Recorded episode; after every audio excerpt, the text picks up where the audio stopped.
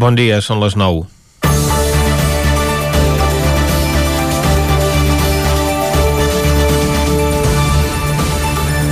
L'últim que faltava per sentir en relació a l'independentisme és que el Kremlin hi estava al darrere i que davant la imminent declaració d'independència d'ara fa 3 anys, Rússia va oferir 10.000 soldats a la causa i aixugar tot el deute de Catalunya amb l'únic objectiu de desestabilitzar l'estat espanyol. Vaja, el que seria una independència amb totes les despeses pagades. No és aquesta la sinopsi d'una pel·lícula que es projecta aquests dies al Cardo Terror, sinó el relat del jutjat número 1 de Barcelona, que hi posa per mig el fundador de Wikileaks, Julian Assange, o Edward Snowden, l'extreballador de la CIA que va revelar l'existència d'un sistema de vigilància massiva per internet arreu del món.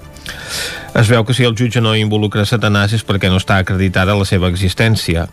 El desvari és tan gran que la pròpia ambaixada russa ha fet un comunicat de mofa. Tot aquest argumentari serveix per tenir detingudes a diverses persones, com l'empresari de la comunicació Oriol Soler, que hauria creat una estratègia de desinformació i desestabilització, segons el jutge. Soler, vinculat a Esquerra Republicana, és una de les 21 persones detingudes ahir en una altra macrooperació de la Guàrdia Civil contra l'independentisme, en la que es van dur a terme 31 escorcolls. Entre els detinguts també hi ha el president de la plataforma Pro Seleccions Esportives Catalanes, Xavier Vinyals, l'exconseller republicà Xavier Vendrell, l'exdirigent de Convergència i mà dreta d'Artur Mas, David Madí, o l'historiador Josep Lluís Alai, responsable de l'oficina de l'expresident Puigdemont. A tots ells se'ls vincula amb l'estat major que va assessorar el govern durant el procés independentista i possiblement també va rebre l'encàrrec d'organitzar el referèndum de l'1 d'octubre per part del govern. També se'ls investiga pel finançament del referèndum i de l'estada de Carles Puigdemont a Bèlgica i per altres causes que no tenen a veure amb el procés. Com recordava ahir Alai, en sortir en llibertat amb càrrecs, aquesta és la tercera causa judicial que s'obre contra ell en els últims tres anys.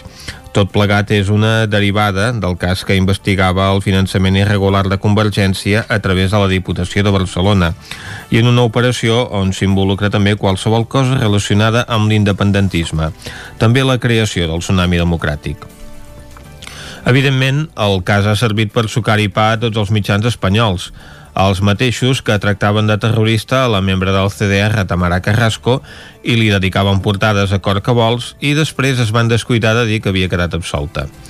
Si la mateixa Audiència Nacional ha posat en qüestió el relat de la Guàrdia Civil en relació al procés contra el major Trapero i la cúpula d'Interior, com a mínim ara s'hauria d'exigir a una actuació del mateix cos el benefici del dubte però potser aquesta operació ja va bé als partits independentistes que hi tornaven a sortir al carrer per protestar per les detencions.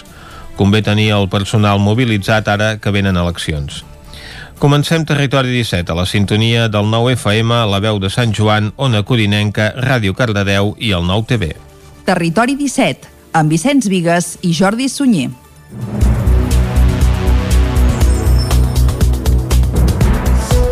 Són les 9 i 3 minuts i mig del dijous, dia 29 d'octubre de 2020. Comença aquí un nou Territori 17, que avui, com cada dijous, durant la primera hora us acostarà tota l'actualitat de les nostres comarques. Després, a partir de les 10, les seccions habituals. Avui anirem al cinema de la mà de la Núria Lázaro, recuperarem la secció de paraules i curiositats del català amb Cristina Enfruns i acabarem al punt de les 12 amb el racó de pensar amb Maria López. Tot això i molt més des d'ara mateix i fins a les 12 del migdia. I com sempre, sempre el que fem ara és arrencar tot fent un repàs a l'actualitat de les nostres comarques, les comarques del Ripollès, Osona, el Moianès i el Vallès Oriental.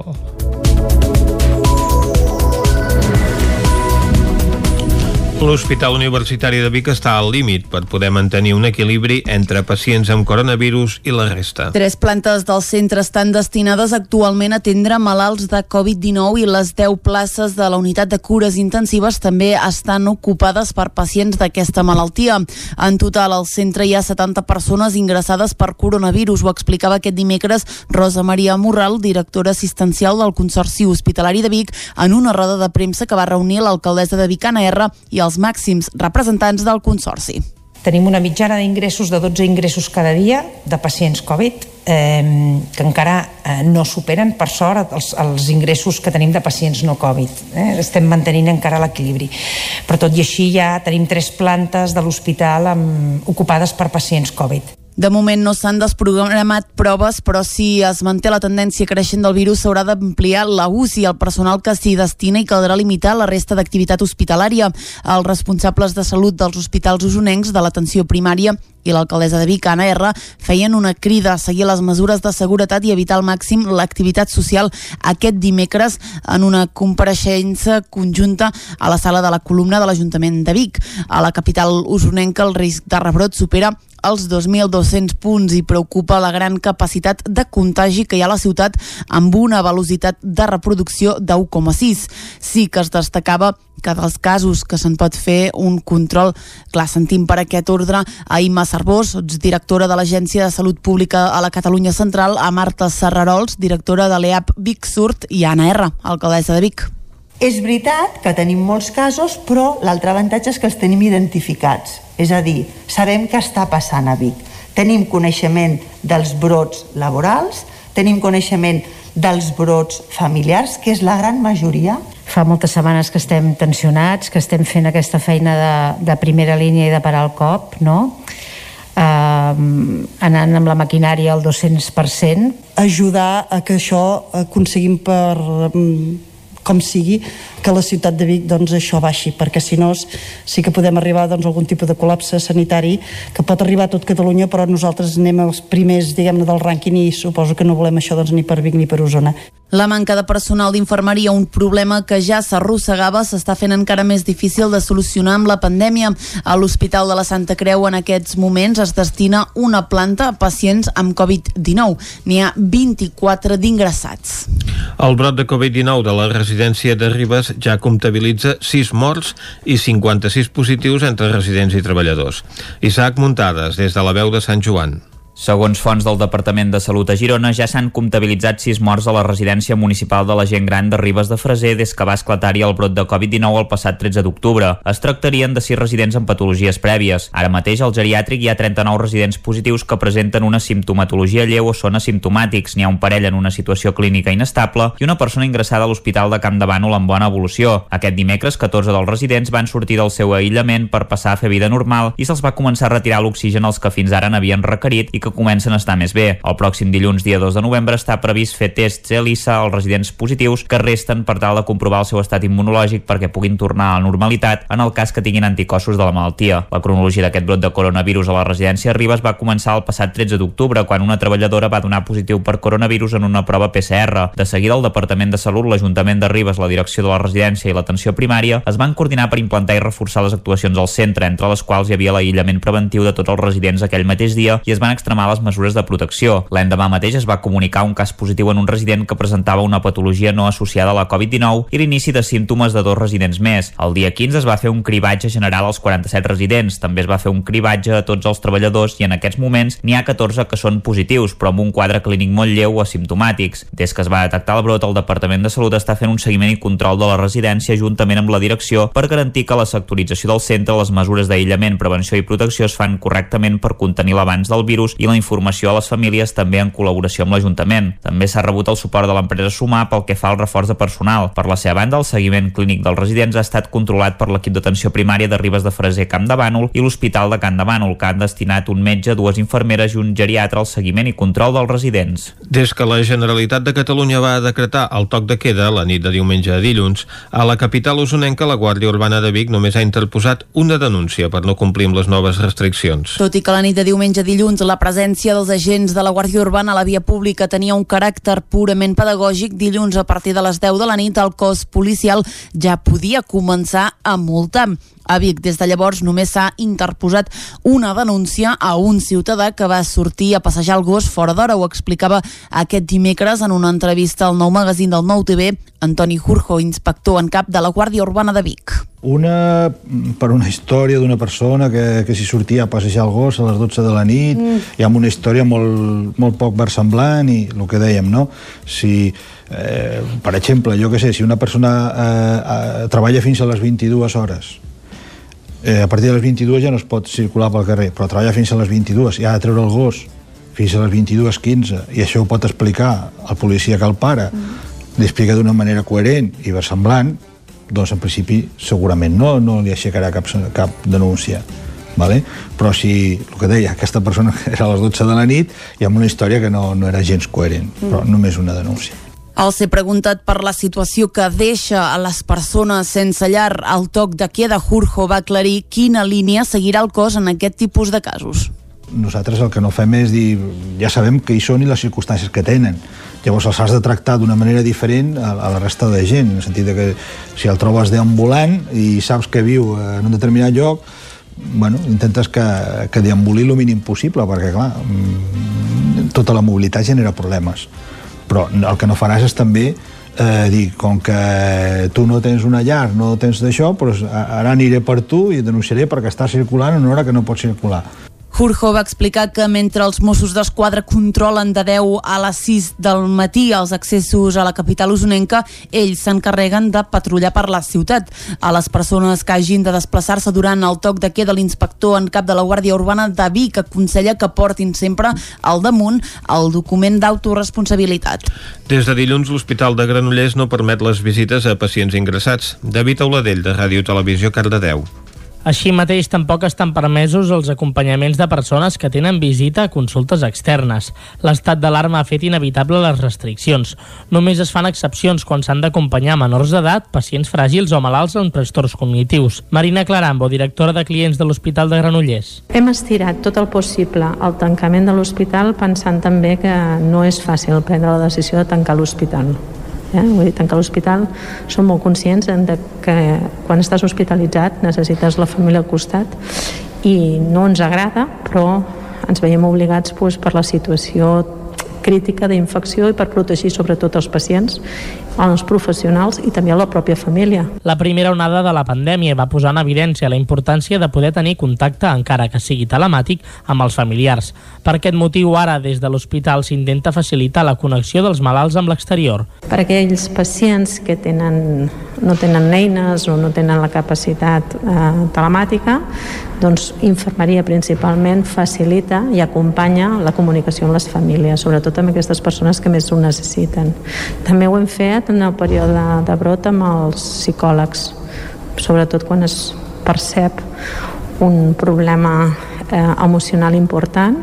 En molts casos serà el mateix metge qui tindrà l'última paraula a l'hora de deixar que el pacient d'hospitalització pugui estar acompanyat.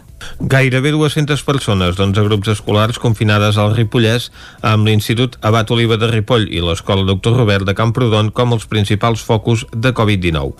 Isaac Muntades, des de la veu de Sant Joan.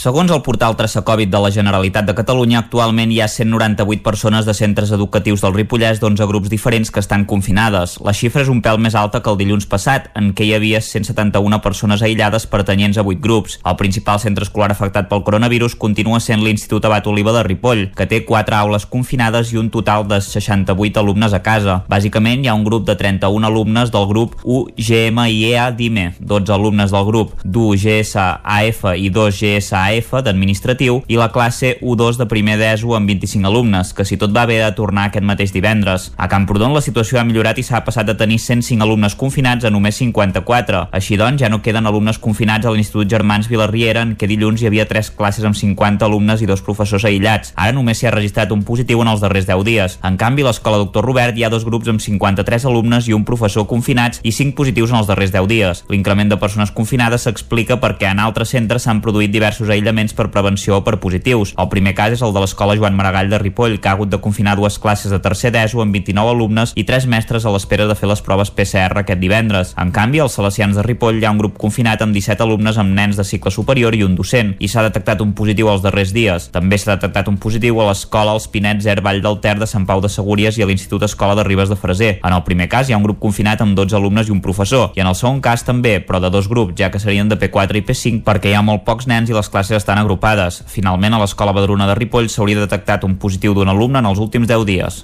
Caldes de Montbui regula l'accés al cementiri per garantir la seguretat sanitària durant la festivitat de Tots Sants. Caral Campàs, des d'Ona Codinenca.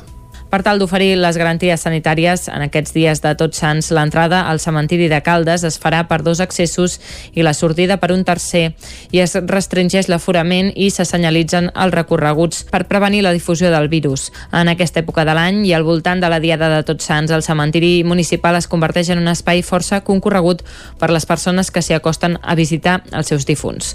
Per tal de garantir la seguretat sanitària en aquest moment de rebrot de la Covid-19 i per fer les visites al cementiri més segures, l'Ajuntament ha restringit l'aforament a 262 persones i ha pres un seguit de mesures que passen pel control d'accés i d'aforament per la reducció d'accessos a dos únics punts d'entrada i un de sortida, la senyalització dels recorreguts interiors per facilitar el manteniment de les distàncies de seguretat, la desinfecció de les superfícies i la instal·lació de 10 punts de desinfecció amb gel hidroalcohòlic. I fins aquí el butlletí de notícies que us hem ofert amb les veus de Vicenç Vigues, Clàudia Dinarès, David Auladell, Caral Campàs i Isaac Muntades. I ara, com sempre, el que toca és fer una ullada a la situació meteorològica.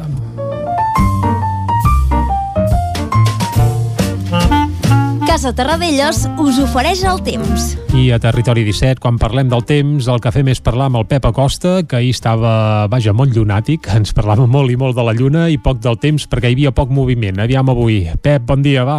Bon dia. Hola, molt bon dia. Bon dia, bon dia.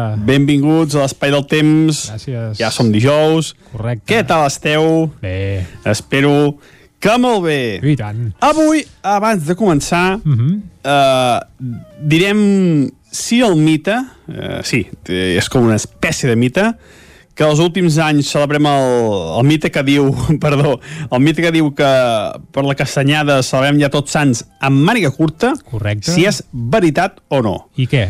I ho farem comparant les dades de les temperatures màximes, la mitjana de les temperatures màximes, eh? Sí, sí. Les màximes dels dos observatoris que segurament són més antics del nostre país, que és el del Delta de l'Ebre i l'Observatori Fabra de Barcelona. Uh -huh. Mireu les dades, que són molt, molt interessants. Sempre dic, també, mmm, això faig un parèntesi, que fa, eh, clar, per la història del planeta tenim dades meteorològiques de fa molt pocs dies, eh? Que segurament... Bueno, pocs anys. Aquests canvis de temperatura que estem tenint i això eh, han passat milers de vegades al llarg de la història del planeta, però bueno, és significatiu el que està passant aquests últims anys. El període del 1910 al 1919, la mitjana de les temperatures màximes va ser de 20,3 graus a l'Observatori de l'Ebre. Uh -huh. De l'any 2010 al 2019, les temperatures màximes de mitjana van tenir 22,8 graus.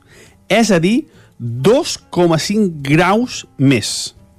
És una bestialitat, eh?, en tants pocs anys amb 100 anys, bueno, gairebé no hi ha ningú viu, no?, que serveix la castanyada de 1910 o 1919. No, ningú. Però eh, els que la van celebrar en aquella època, 2,5 graus menys de temperatura eh, que el que tenim ara, aquests últims 10 anys. És significatiu amb 100 anys aquest augment.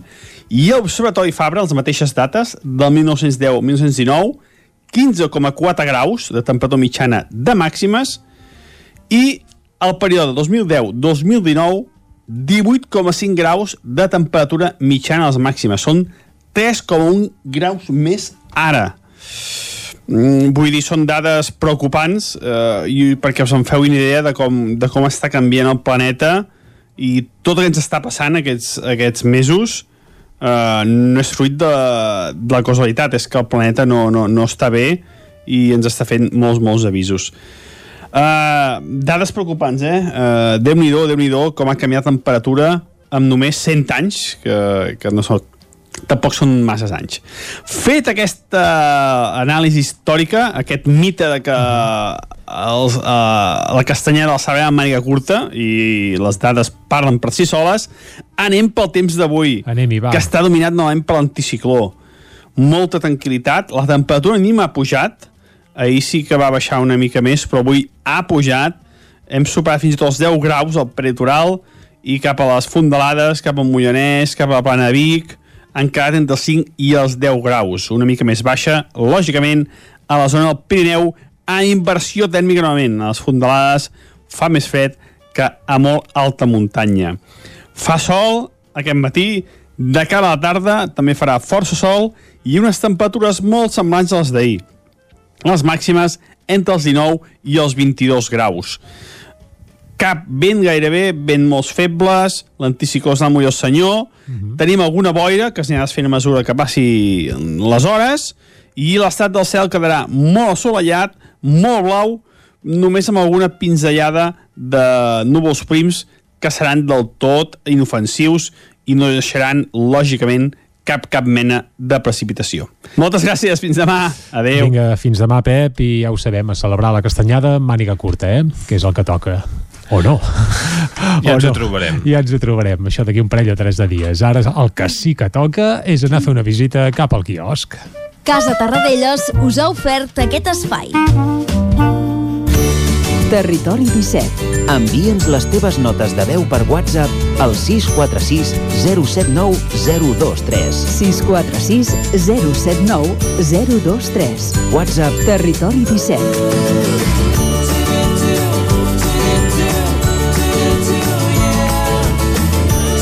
Territori 17. Som a Facebook, Twitter i Instagram amb l'usuari Territori 17.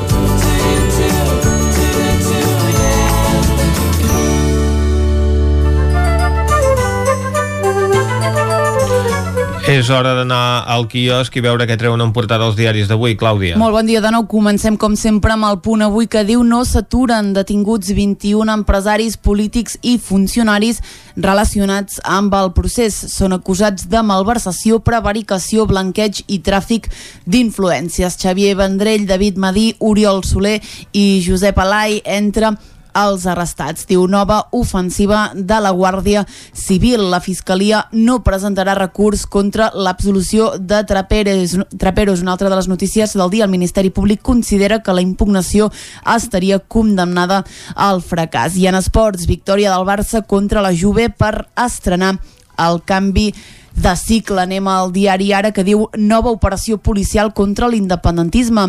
Eh, David Madí, Xavier Vendrell, Oriol Soler i Xavier Vinyals diu entre els 21 detinguts per la Guàrdia Civil. La justícia busca una suposada connexió amb el Kremlin sobre la qual l'ambaixada russa ironitza a la imatge de la portada hi veiem a David Madí en el moment que va ser doncs, arrestat aquest dijous, aquest dimecres, perdoneu, per la Guàrdia Civil al Passeig de Gràcia de Barcelona.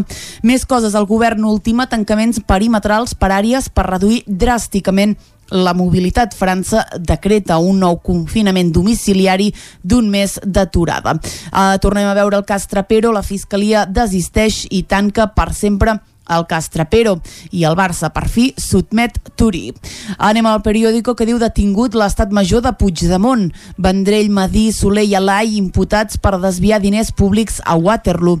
El jutge investiga la seva relació amb la direcció de les accions al carrer del tsunami. El magistrat indaga si l'expresident va rebre una oferta militar eh, de Rússia. Un altre dels temes que veiem és que Catalunya es veu abocada al tancament del país i d'àrees locals. França anuncia un mes de confinament i Alemanya tanca bars, restaurants i també els gimnasos. A la imatge hi veiem el millor Barça de Koeman. Anem avançant, anem a l'avantguàrdia que diu Catalunya decretarà avui tancaments perimetrals per evitar el col·lapse sanitari. Madrid assumeix la mesura però només durant uns dies com a alternativa al confinament domiciliari i no tenen previst, eh, perdoneu, com a alternativa al confinament, al confinament domiciliari no previst, ara sí, en l'estat d'alarma. A la imatge veiem metges voluntaris per al sense sostre. Eh, més titulars de l'avantguàrdia, un jutge investiga fons i lligams amb Rússia de part de l'estat major de l'1 d'octubre. Catalunya rebrà fins a un 16,5% de la inversió de l'Estat. La sanitat catalana arribarà al pic del març en 14 dies si segueix el ritme actual i Macron, com hem vist, confina a tot França i Alemanya tanca els restaurants i també la cultura. Anem a veure quines són les portades dels diaris de Madrid. Comencem amb el país que diu el tancament de comunitats s'estén per tot Espanya. A la imatge, la segona onada diu arrasa a Europa, nou confinament a França. Uh, pel que fa a política espanyola, el govern planteja una inversió rècord per frenar la crisi i els Estats Units voten massa en les eleccions presidencials per avançat. El Mundo diu Merkel i Macron apliquen el seu pla nacional i Pedro Sánchez se'n desentén. Confinament total a França mentre la cancellera acorda amb els Landers mesures més dràstiques. El president descarrega ara en les comunitats autònomes la decisió sobre les restriccions de l'alarma. A la imatge hi veiem uh, Isabel Díaz Ayuso que diu tancarà Madrid si només és el pont. Uh, més coses, un jutge diu sacseja l'estratègia del govern arrestant l'estat major de Puigdemont i el govern duplica la despesa dels seus 22 ministeris en plena pandèmia. Anem acabant, anem a la raó que diu mitja Espanya ja està tancada. Uh, parla de mesures. Madrid diu demana poder tancar uh, només el pont mentre les dues Castelles i també Andalusia es blinden davant de la Covid. Uh, parla de l'estat d'alarma, diu Pedro Sánchez rectifica i ofereix quatre mesos i compareix cada dos en el Congrés davant de la pressió dels seus socis. Més coses de la Razón, diu Putin va oferir 10.000 soldats per donar suport al procés contra la Unió Europea. Eh, detinguts exdirigents d'Esquerra Republicana i CDC per finançar la declaració unilateral d'independència i la fuga de Carles Puigdemont. La Fiscalia de Delgado rebutja que antiblanqueig investigui a Podemos i Catalunya rep un 63% més d'inversió que Madrid als pressupostos. I finalment, Acabem amb l'ABC que diu cop a l'entramat econòmic de Puigdemont i la seva connexió amb Rússia. Aquí ho donen molt per fet, diu la Guàrdia Civil, deté a 21 empresaris i excàrrecs polítics per desviar fons a Waterloo. Uh, presumien, diu, presumien, diuen que Putin uh, va oferir 10.000 soldats per convertir Catalunya en una altra Suïssa. A la imatge de la portada qui veiem però és Ayuso, diu Madrid es resisteix a unir-se a la onada de confinaments. Demana al govern limitar el tancament al pont i no fins al 9 de novembre com ja han anunciat altres comunitats. Doncs acabem aquí, aquest bloc informatiu amb el repàs a les portades del dia. El nou FM la ràdio de casa al 92.8. Vols trencar amb l'oligopoli de l'IBEX 35? Apunta't al consum estratègic i comença a consumir serveis catalans. Per això et convidem a omplir el dipòsit a Petrolis Independents. A Osona ens trobaràs al polígon Mas Galí de Vic i a Centelles just després de la sortida sud. Si vols factura, entra a la nostra pàgina web petrolisindependents.cat i dona't d'alta. Comença a ser independent. Tenim la força de l'amor. Les bones decisions tenen premi.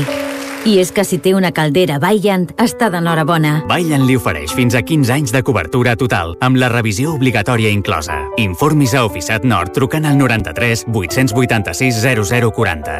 Amb el servei tècnic oficial de Vaillant, la seva caldera estarà en les millors mans. Cocodril Club.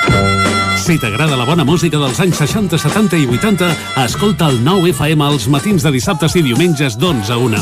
És el temps del Cocodril Club, tot un clàssic de la ràdio, amb les bases del pop-rock, les llegendes, les cançons que s'han convertit en autèntics himnes. Recorda, dissabtes i diumenges al matí, d'11 a 1, al 9 FM 92.8. Cocodril Club, el programa revival de l'Albert Malla. Hasta luego, Anuncia't al 9FM. La ràdio de casa. 9 3 8 8 9 4 9 4 9. Publicitat arroba al 9FM.cat. Anuncia't al 9FM. La publicitat més eficaç. Hi ha una màgia que no té truc. És la màgia de compartir una estona amb algú i parlar-hi. Vols practicar català? Vols ajudar algú a parlar-lo? Apunta't al voluntariat per la llengua. El programa de les parelles lingüístiques a vxl.cat. Perquè quan parles, fas màgia. Generalitat de Catalunya. 100 milions i mig de futurs. Quan vulguis abraçar la teva amiga, cap fred. Quan tinguis una reunió de feina, cap fred. Quan vagis a veure el teu avi, cap fred. Extremeu les mesures de seguretat. Recordeu, distància, mascareta, rentat de mans i reducció de l'activitat social. Cuidem el que som. Generalitat de Catalunya. 7 milions i mig de futurs. Cada territori té un atractiu o més d'un. El fruit, el paisatge, la seva gent, les pedres... Camins de l'Eix. Descobrint el capital de terra endins. Camins de l'Eix, dissabte a les 9 del vespre al 9 TV. Aquesta setmana, al Lluçanès, amb el suport de la Generalitat de Catalunya. 7 milions i mig de futurs. La ràdio de casa al 92.8. El 9 FM.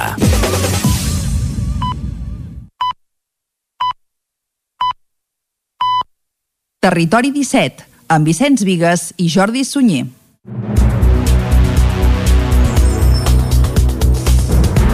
Dos quarts de deu en punt d'avui dijous, dia 29 d'octubre de 2020. Seguim en directe a Territori 17 i serem fins a les 12 del migdia. I ara el que farem és acostar-vos de nou l'actualitat de les nostres comarques. Després, a partir de les 10, les seccions habituals dels dijous. Anirem avui al cinema de la mà de Núria Lázaro, recuperarem la secció de curiositats i paraules del català amb Cristina Enfruns i acabarem a la darrera hora, a dos quarts tocats de 12, amb el racó de pensar amb Maria López. Tot això i molt més aquí a Territori 17 des d'ara mateix i com us dèiem fins al punt de les 12 del migdia i el que toca ara mateix és acostar-vos de nou tota la informació de les nostres comarques, les comarques del Ripollès, Osona, el Moianès i el Vallès Oriental.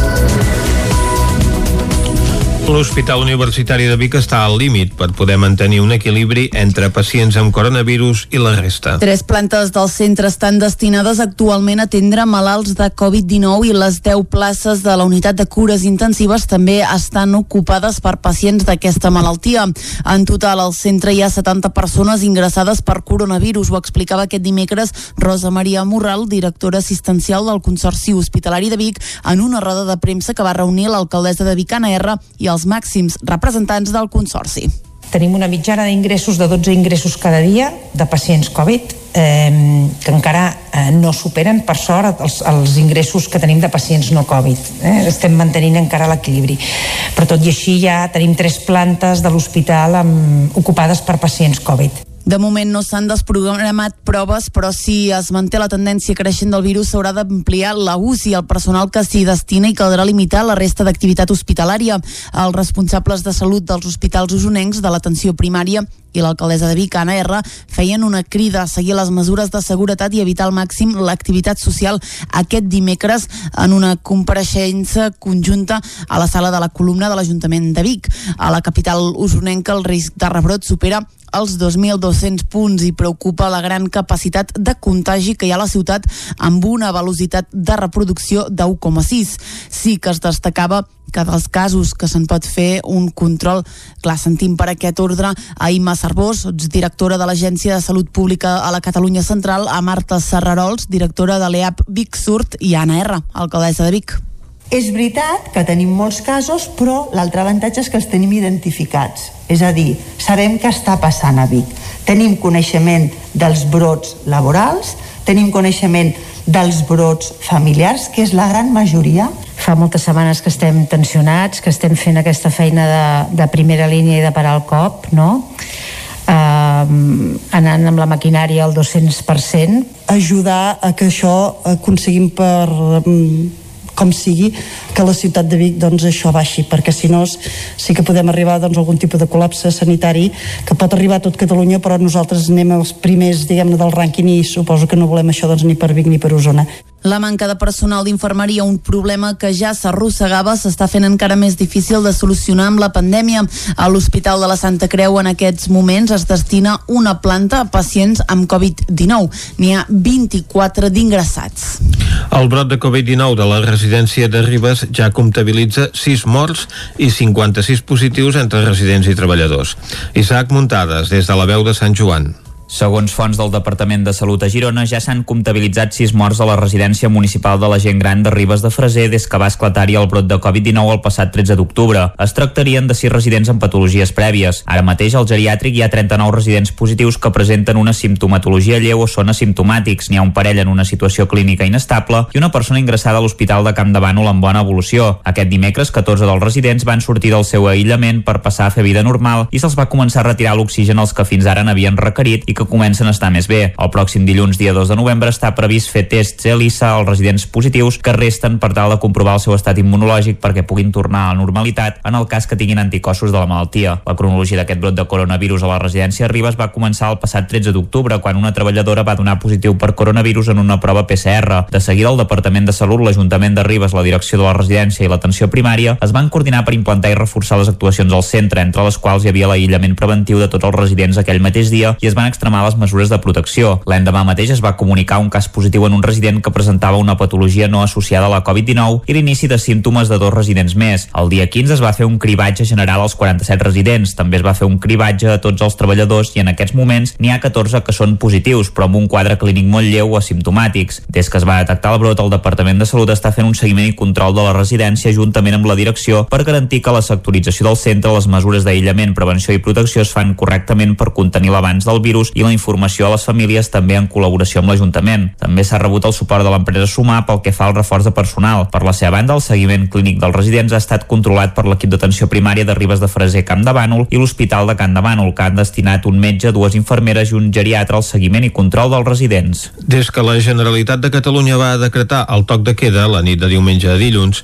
a la capital usonenca la Guàrdia Urbana de Vic només ha interposat una denúncia per no complir amb les noves restriccions. Tot i que la nit de diumenge a dilluns la presència dels agents de la Guàrdia Urbana a la via pública tenia un caràcter purament pedagògic, dilluns a partir de les 10 de la nit el cos policial ja podia començar a multar. A Vic, des de llavors, només s'ha interposat una denúncia a un ciutadà que va sortir a passejar el gos fora d'hora. Ho explicava aquest dimecres en una entrevista al nou magazín del Nou TV, Antoni Jurjo, inspector en cap de la Guàrdia Urbana de Vic. Una, per una història d'una persona que, que s'hi sortia a passejar el gos a les 12 de la nit, mm. i amb una història molt, molt poc versemblant, i el que dèiem, no? Si, eh, per exemple, jo que sé, si una persona eh, eh, treballa fins a les 22 hores, eh, a partir de les 22 ja no es pot circular pel carrer, però treballa fins a les 22 i ha de treure el gos fins a les 22.15 i això ho pot explicar al policia que el para mm. li explica d'una manera coherent i versemblant doncs en principi segurament no, no li aixecarà cap, cap denúncia vale? però si, el que deia, aquesta persona era a les 12 de la nit i amb una història que no, no era gens coherent, mm. però només una denúncia al ser preguntat per la situació que deixa a les persones sense llar al toc de queda, Jurjo va aclarir quina línia seguirà el cos en aquest tipus de casos nosaltres el que no fem és dir ja sabem que hi són i les circumstàncies que tenen llavors els has de tractar d'una manera diferent a, a la resta de gent en el sentit que si el trobes deambulant i saps que viu en un determinat lloc bueno, intentes que, que deambuli el mínim possible perquè clar mm, tota la mobilitat genera problemes però el que no faràs és també eh, dir, com que tu no tens una llar, no tens d'això, doncs ara aniré per tu i denunciaré perquè està circulant en una hora que no pot circular. Furjo va explicar que mentre els Mossos d'Esquadra controlen de 10 a les 6 del matí els accessos a la capital usonenca, ells s'encarreguen de patrullar per la ciutat. A les persones que hagin de desplaçar-se durant el toc de queda, l'inspector en cap de la Guàrdia Urbana de Vic aconsella que portin sempre al damunt el document d'autoresponsabilitat. Des de dilluns, l'Hospital de Granollers no permet les visites a pacients ingressats. David Auladell, de Ràdio Televisió, Cardedeu. Així mateix, tampoc estan permesos els acompanyaments de persones que tenen visita a consultes externes. L'estat d'alarma ha fet inevitable les restriccions. Només es fan excepcions quan s'han d'acompanyar menors d'edat, pacients fràgils o malalts amb trastorns cognitius. Marina Clarambo, directora de clients de l'Hospital de Granollers. Hem estirat tot el possible el tancament de l'hospital pensant també que no és fàcil prendre la decisió de tancar l'hospital.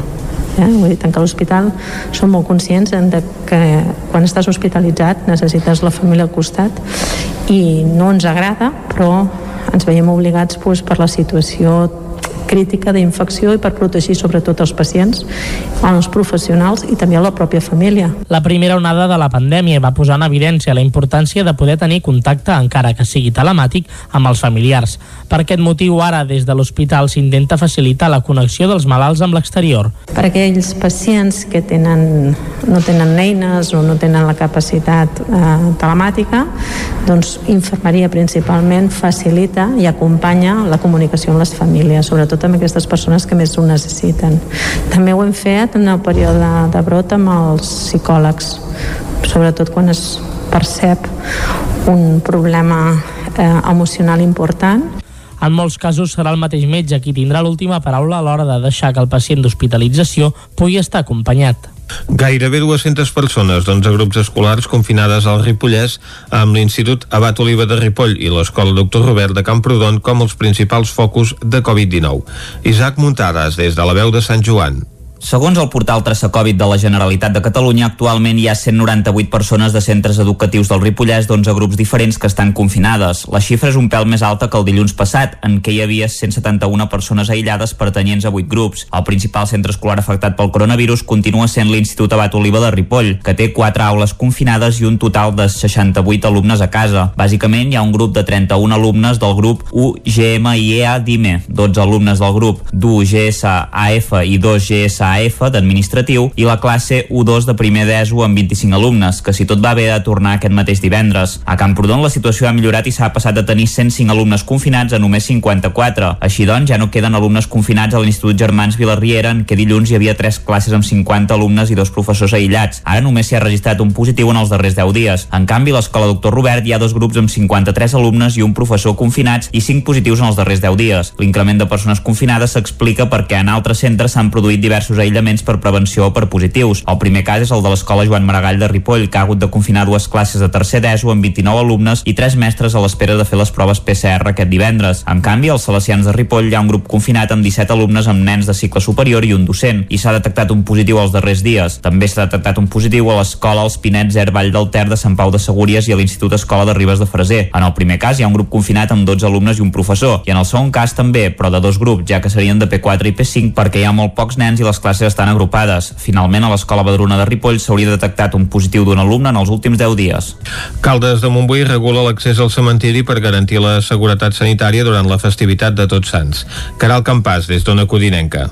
Per tal d'oferir les garanties sanitàries en aquests dies de Tots Sants, l'entrada al cementiri de Caldes es farà per dos accessos i la sortida per un tercer i es restringeix l'aforament i se senyalitzen els recorreguts per prevenir la difusió del virus. En aquesta època de l'any i al voltant de la Diada de Tots Sants, el cementiri municipal es converteix en un espai força concorregut per les persones que s'hi acosten a visitar els seus difunts.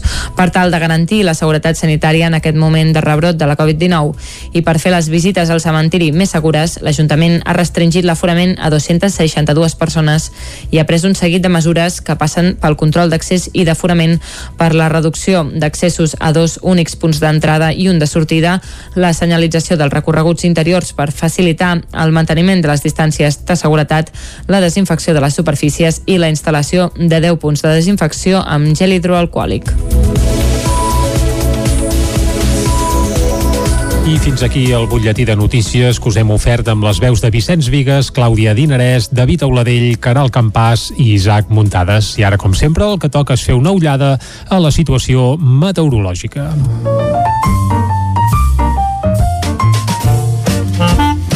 Casa Terradellos us ofereix el temps. I a Territori 17, quan parlem del temps, el que fem és parlar amb el Pep Acosta, que ahir estava, vaja, molt llunàtic, ens parlava molt i molt de la lluna i poc del temps perquè hi havia poc moviment. Aviam avui. Pep, bon dia, va. Bon dia. Hola, molt bon dia. Bon dia, bon dia. Benvinguts a l'Espai del Temps. Gràcies. Ja som dijous. Correcte. Què tal esteu? Bé. Espero que molt bé. I tant. Avui, abans de començar, uh -huh. uh, direm sí al mite, uh, sí, és com una espècie de mite, que els últims anys celebrem el, el mite que diu, perdó, el mite que diu que per la castanyada celebrem ja tots sants amb màniga curta, Correcte. si és veritat o no. I què? I ho farem comparant les dades de les temperatures màximes, la mitjana de les temperatures màximes, eh?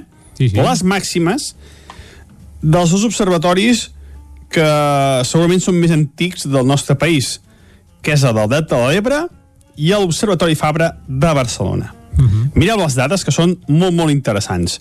Sempre dic també, mm, això faig un parèntesi, que fa, eh, clar, per la història del planeta tenim dades meteorològiques de fa molt pocs dies, eh? que segurament bueno, pocs anys aquests canvis de temperatura que estem tenint i això han passat milers de vegades al llarg de la història del planeta però bueno, és significatiu el que està passant aquests últims anys el període del 1910 al 1919 la mitjana de les temperatures màximes va ser de 20,3 graus a l'Observatori de l'Ebre. Uh -huh. De l'any 2010 al 2019, les temperatures màximes de mitjana van tenir 22,8 graus. És a dir, 2,5 graus més. És una bestialitat, eh?, en tants pocs anys amb 100 anys, bueno, gairebé no hi ha ningú viu, no?, que serveix la castanyada de 1910 o 1919. No, ningú. Però eh, els que la van celebrar en aquella època 2,5 graus menys de temperatura eh, que el que tenim ara, aquests últims 10 anys. És significatiu amb 100 anys aquest augment.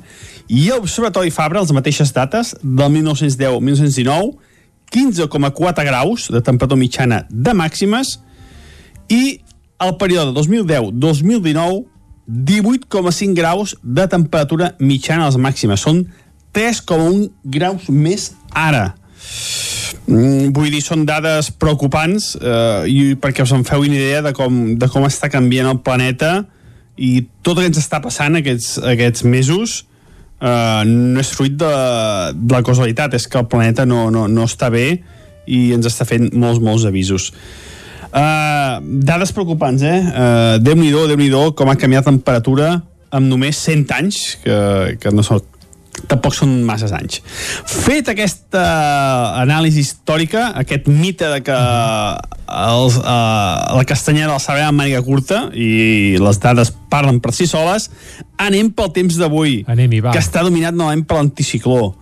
Molta tranquil·litat, la temperatura ni m'ha pujat, ahir sí que va baixar una mica més, però avui ha pujat, hem superat fins i tot els 10 graus al peritoral i cap a les fondalades, cap al Mollanès, cap a la Plana Vic, han quedat entre els 5 i els 10 graus, una mica més baixa, lògicament, a la zona del Pirineu, a inversió tèrmica novament. A les fondalades fa més fred que a molt alta muntanya.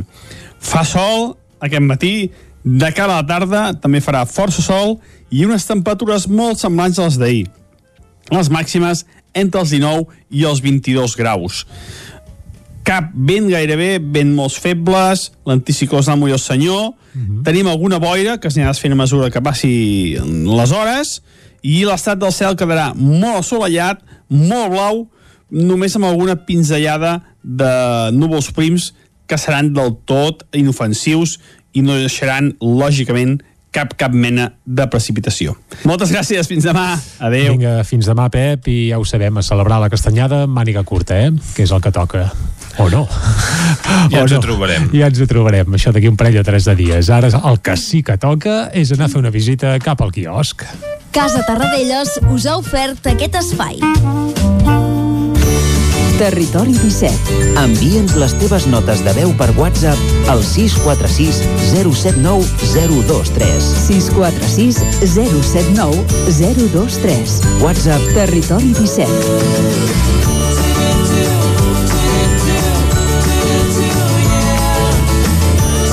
Territori 17. Som a Facebook, Twitter i Instagram amb l'usuari Territori 17.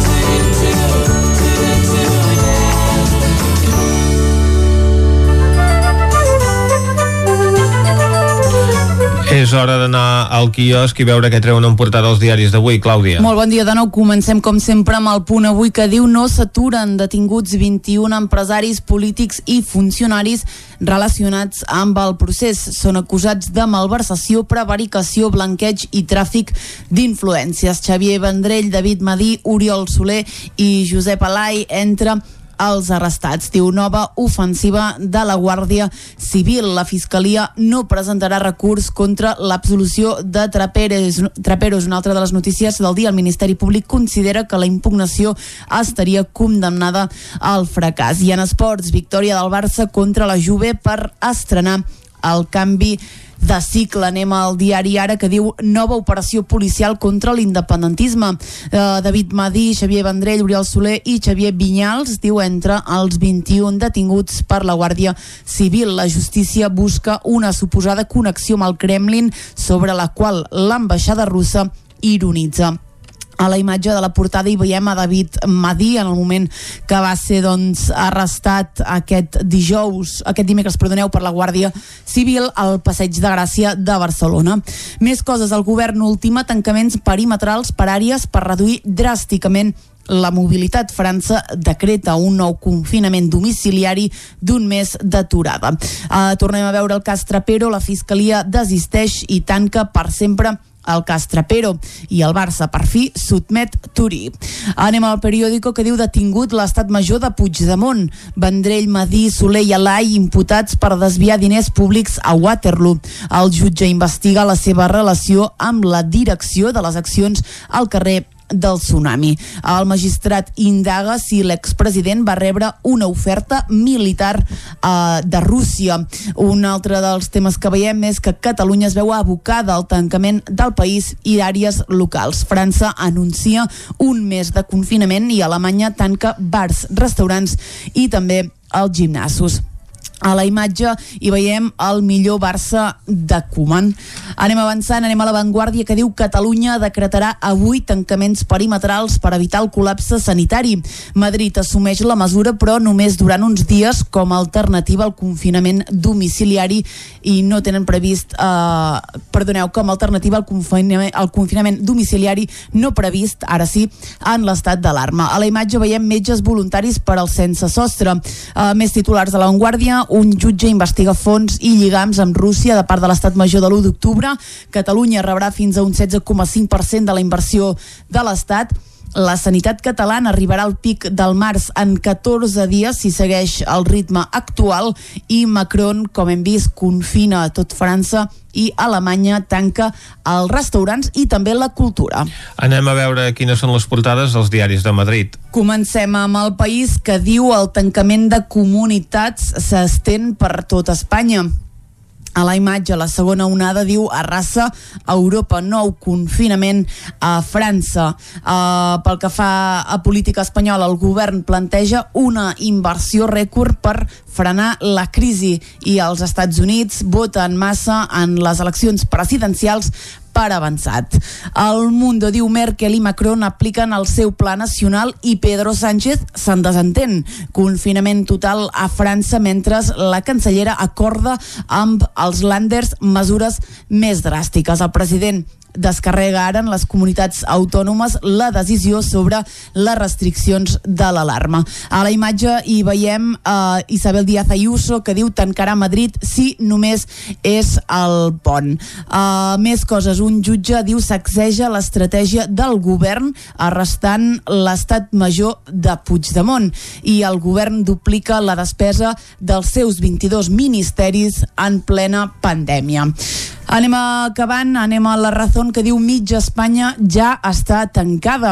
Uh, parla de mesures. Madrid diu demana poder tancar uh, només el pont mentre les dos Castelles i també Andalusia es blinden davant de la Covid. Uh, parla de l'estat d'alarma, diu Pedro Sánchez rectifica i ofereix quatre mesos i compareixer cada dos en el Congrés davant de la pressió dels seus socis. Més coses de la Razón, diu Putin va oferir 10.000 soldats per donar suport al procés contra la Unió Europea. Eh, detinguts exdirigents d'Esquerra Republicana i CDC per finançar la declaració unilateral d'independència i la fuga de Carles Puigdemont. La Fiscalia de Delgado rebutja que antiblanqueig investigui a Podemos i Catalunya rep un 63% més d'inversió que Madrid als pressupostos. I finalment, acabem amb l'ABC que diu cop a l'entremat econòmic de Puigdemont i la seva connexió amb Rússia. Aquí ho donen molt per fet, diu la Guàrdia Civil deté a 21 empresaris i excàrrecs polítics per desviar fons a Waterloo. Uh, presumien, diu, presumien, diuen que Putin uh, va oferir 10.000 soldats per convertir Catalunya en una altra Suïssa. A la imatge de la portada qui veiem, però, és Ayuso, diu Madrid es resisteix a unir-se a la onada de confinaments. Demana al govern limitar el tancament al pont i no fins al 9 de novembre, com ja han anunciat altres comunitats. Doncs acabem aquí, aquest bloc informatiu amb el repàs a les portades del dia. Ostres, eh, Vicenç, és que aquesta portada del Mundo, això de, de l'operació aquesta de la Guàrdia Civil amb la connexió russa per ajudar-nos a fer la independència i que, que portarien 10.000 soldats, és que és, és, és increïble, no? És, és que això... És de ficció total, però, però jo ho és tot el cas, perquè No, no, això el és cas una no s'aguanta per enlloc, no. però és que el, el, el punt aquest és que...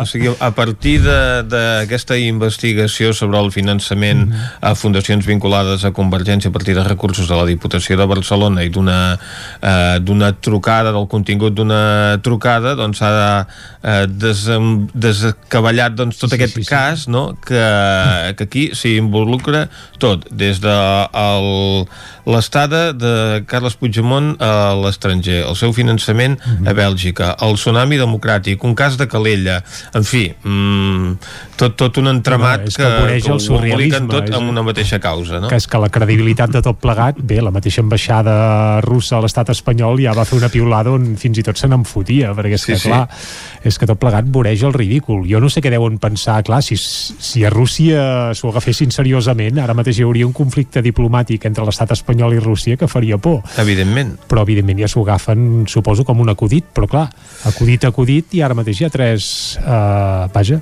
tres sí, ha persones- catalans inculpats i empresonats i detinguts. I en 20, teoria... 21 persones detingudes, alguns encara doncs, No no, han sap la- recuperat la llibertat. Ai, uh, sí. sí. clar, tot plegat faria riure, però és que ja no fa gràcia, eh? perquè és, és terrible.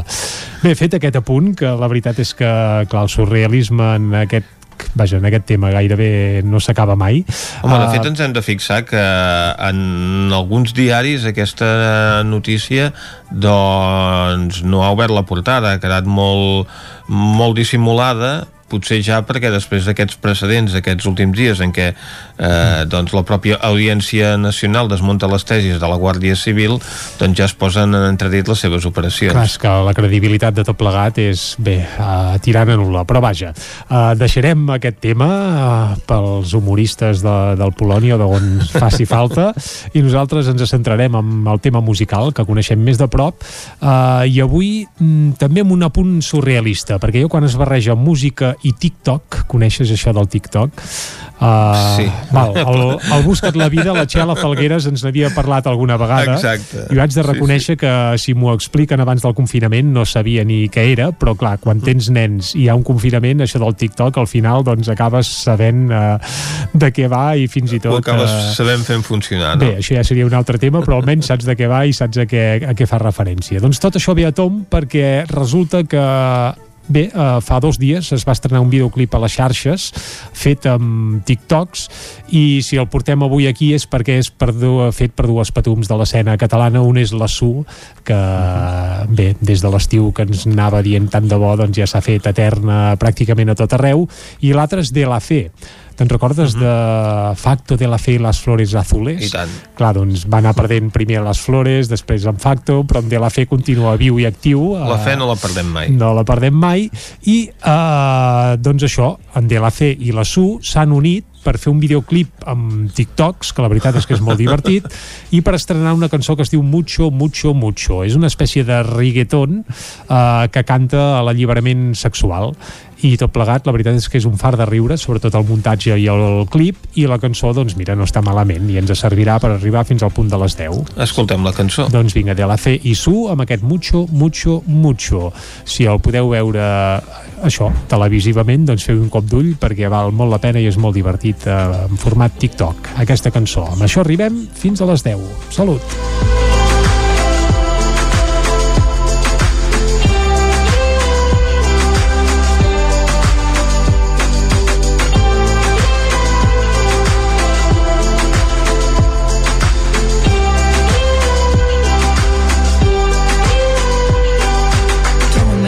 Por sorpresa y ha nacido un deseo que no cesa, que me sube el corazón a la cabeza y se lleva de paseo la tristeza. Una vez más, sé cuántas van ya. Espero que esto nunca deje de brillar. Aprendí la moraleja. Cuando hace boom boom, es que no hay queja. Eres la puerta a la inconsciencia, de la fragancia eres la esencia. Eres literatura y ciencia, de la fe, dale sentido a mi existencia. Que dímelo a mí. Que yo ya sé que mueres por mí. Cuando al fin encuentras a tu estrella, la verdad da igual si se lo ella.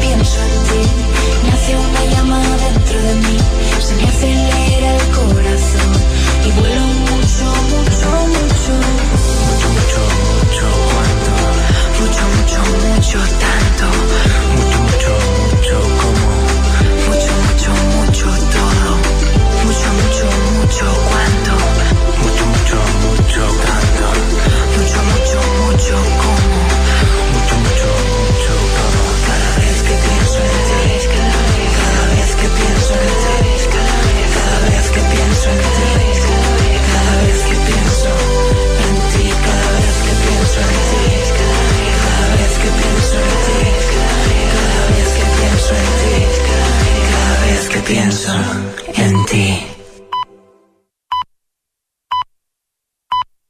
punt torna la informació de les nostres comarques, les comarques del Ripollès, Osona, el Moianès i el Vallès Oriental.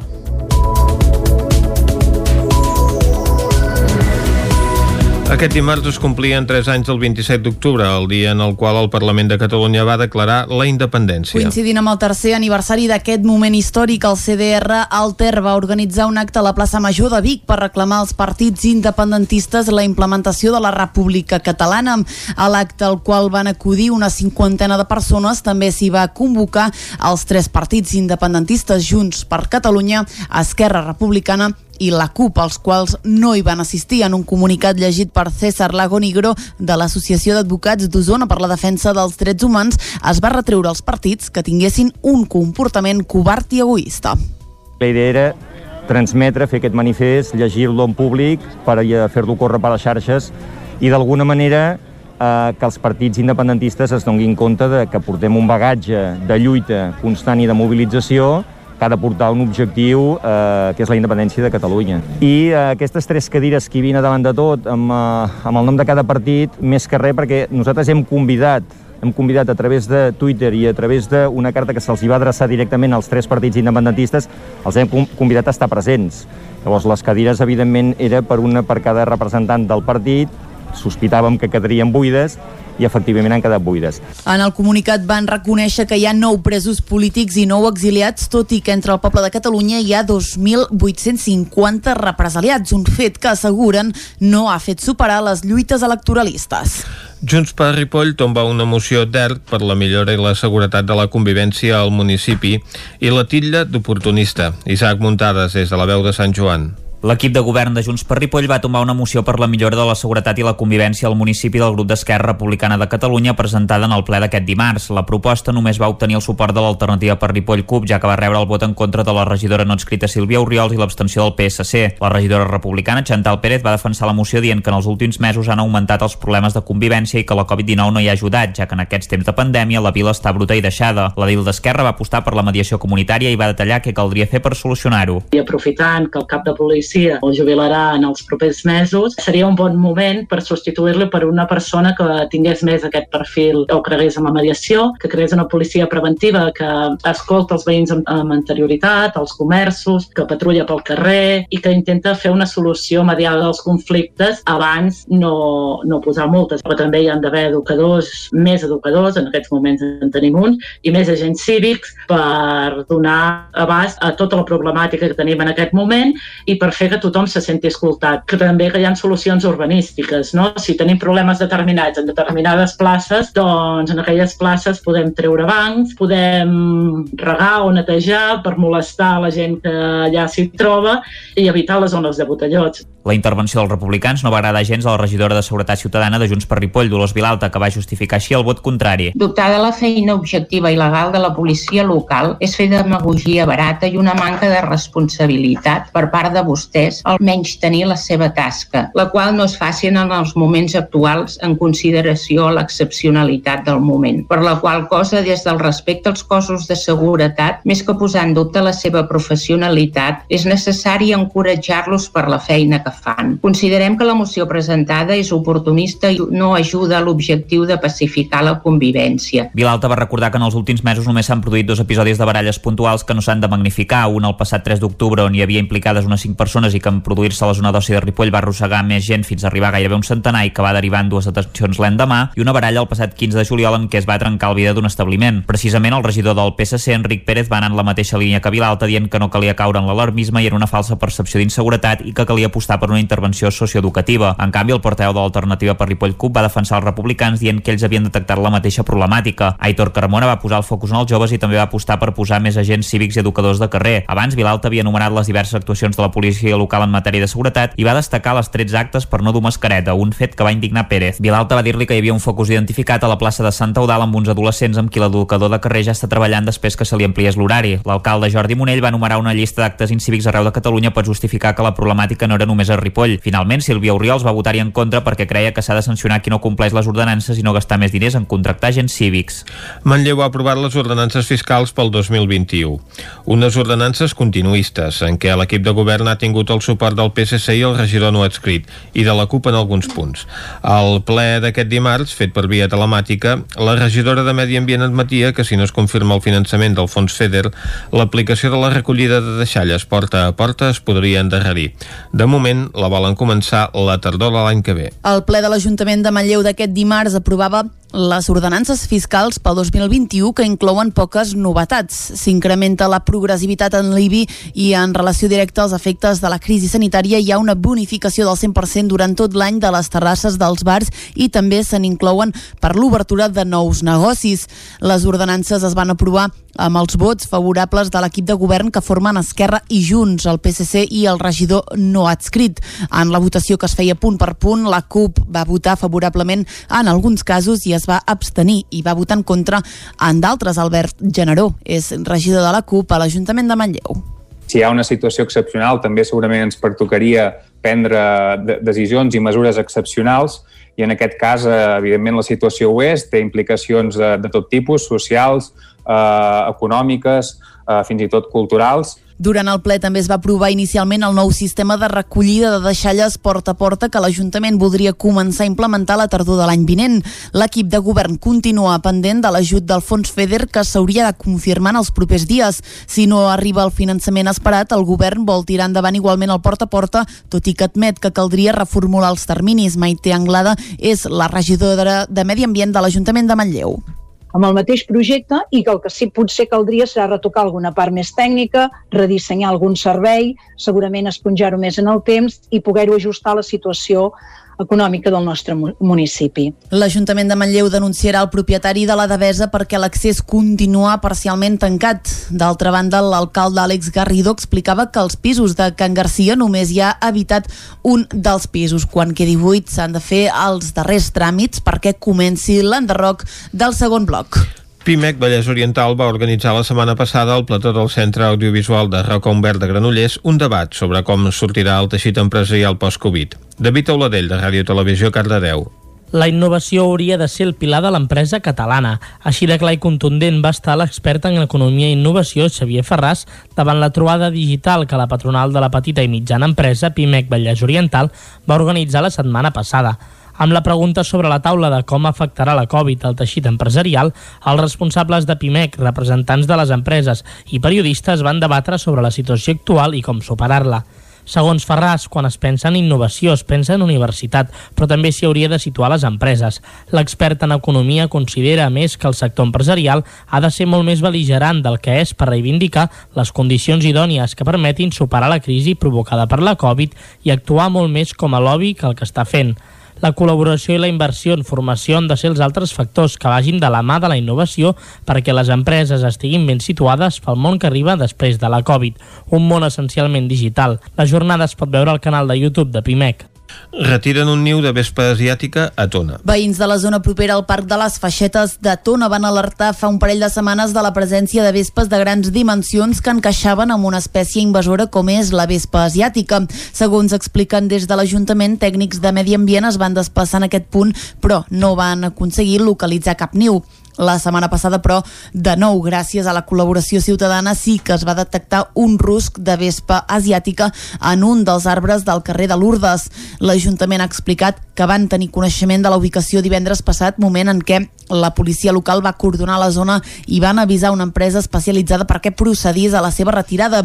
Tot i que l'extracció de manera controlada estava prevista per aquest dimecres, el rusc de grans dimensions, com és habitual en aquesta espècie, va caure al terra dimarts. L'Ajuntament va reclamar a l'empresa que el retirés de manera immediata, situació que finalment es va produir al mateix dia. Segons expliquen, la zona quedarà coordonada durant alguns dies més perquè l'extracció del rusc i l'eliminació de qualsevol rastre s'utilitzen productes que actuen durant unes 48 hores.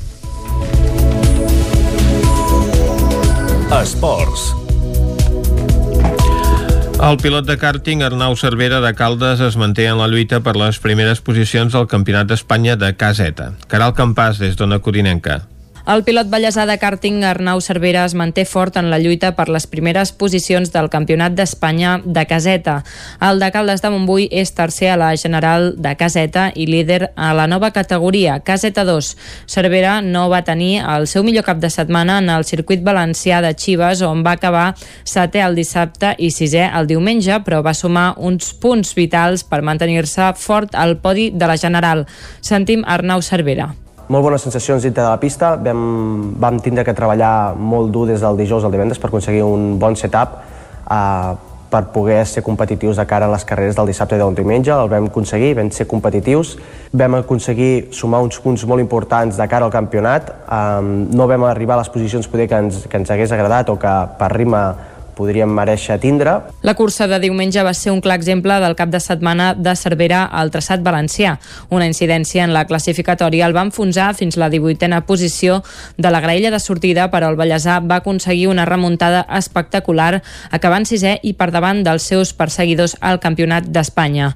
Una posició que permet a Cervera mantenir-se al podi de la General. Vam aconseguir distanciar-nos una miqueta de d'ells de cara a la classificació de punts, de, de caseta 2 i de cara a caseta sí que és veritat que, que els dos contrincants més forts que tenim doncs sí que van quedar per davant nostre però, però seguim amb moltes opcions de cara a l'última prova de, de Saragossa uh, dintre d'un mes tot es decidirà a la darrera prova a Saragossa el proper 14 i 15 de novembre, on el Vallèsà intentarà retallar els 34 punts que li porta el primer a caseta, Gerard Cebrián, i mantenir els 10 i mig que li treu Álvaro García a caseta 2. I fins aquí el butlletí informatiu de les 10 del matí que us hem ofert amb les veus de Vicenç Vigues, Clàudia Dinarès, David Auladell, Caral Campàs i Isaac Muntades. Ara el que toca és recuperar la informació meteorològica per saber el temps que ens espera per a les properes hores.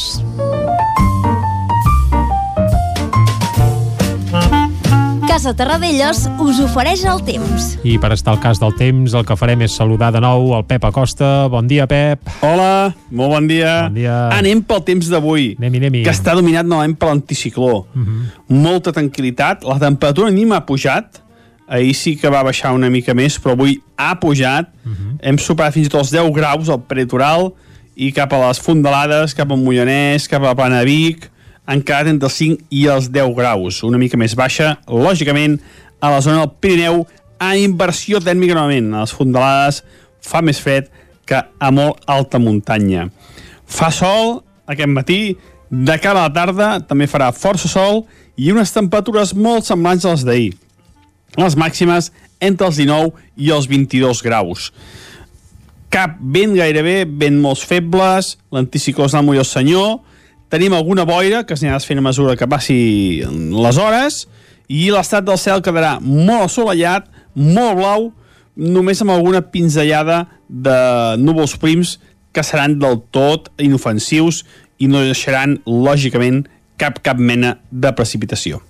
Moltes gràcies i ens escoltem demà que direm ja el temps del cap de setmana, el temps de, del cap de setmana de Tots Sants, que explicarem l'origen de Tots Sants, també explicarem l'origen de, de Halloween, a l'origen, i veurem que són festes que no té res a veure amb l'altra i que una ens està menjant a Halloween, però, però hem de, reivi- de reivindicar la nostra, que és del Tots Sants i la Castanyada. Home, i tant, i Moltes tant. gràcies, fins demà.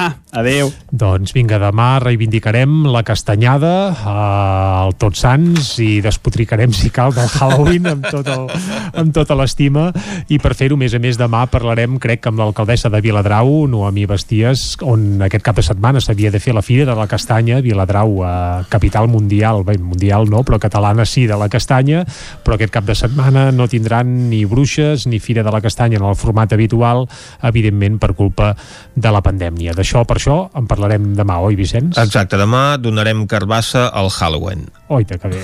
Ara, per això el que toca, potser també haurem de donar carbasses aquí, serà parlar de la R3, una línia que també fa col·lecció, com bé deies, Vicenç, de, de carbasses. Bé, també, també és una línia que fa una mica de por.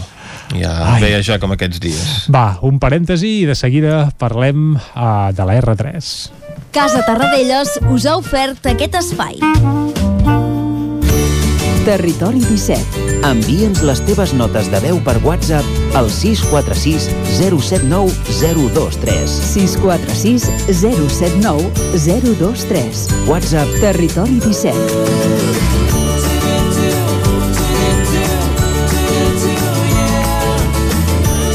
Territori 17. Som a Facebook, Twitter i Instagram amb l'usuari Territori 17.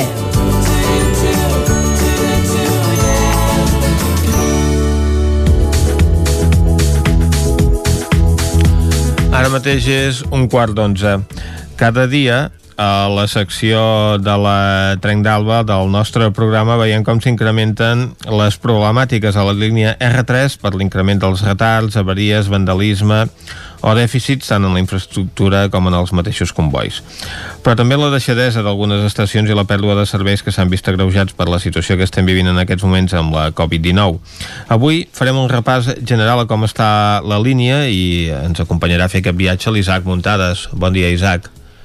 Bon dia, Vicenç. Doncs sí, per parlar-ne avui tenim al telèfon a una membre del col·lectiu perquè no ens fotin el tren, que és usuari habitual de la línia, la Maria Coma, i avui fem una entrevista més del Territori 17 eh, que mai, perquè ella és resident a la Garriga i com que és investigadora predoctoral fa servir la línia doncs, per viatjar d'aquesta població del Vallès fins a Barcelona, però puntualment, a més a més, també la fa, ser, fa servir la línia internacional per viatjar fins a París, a França, eh, ja que fa la seva tesi en una universitat de la capital francesa. Bon dia i moltes gràcies per atendre'ns, Maria.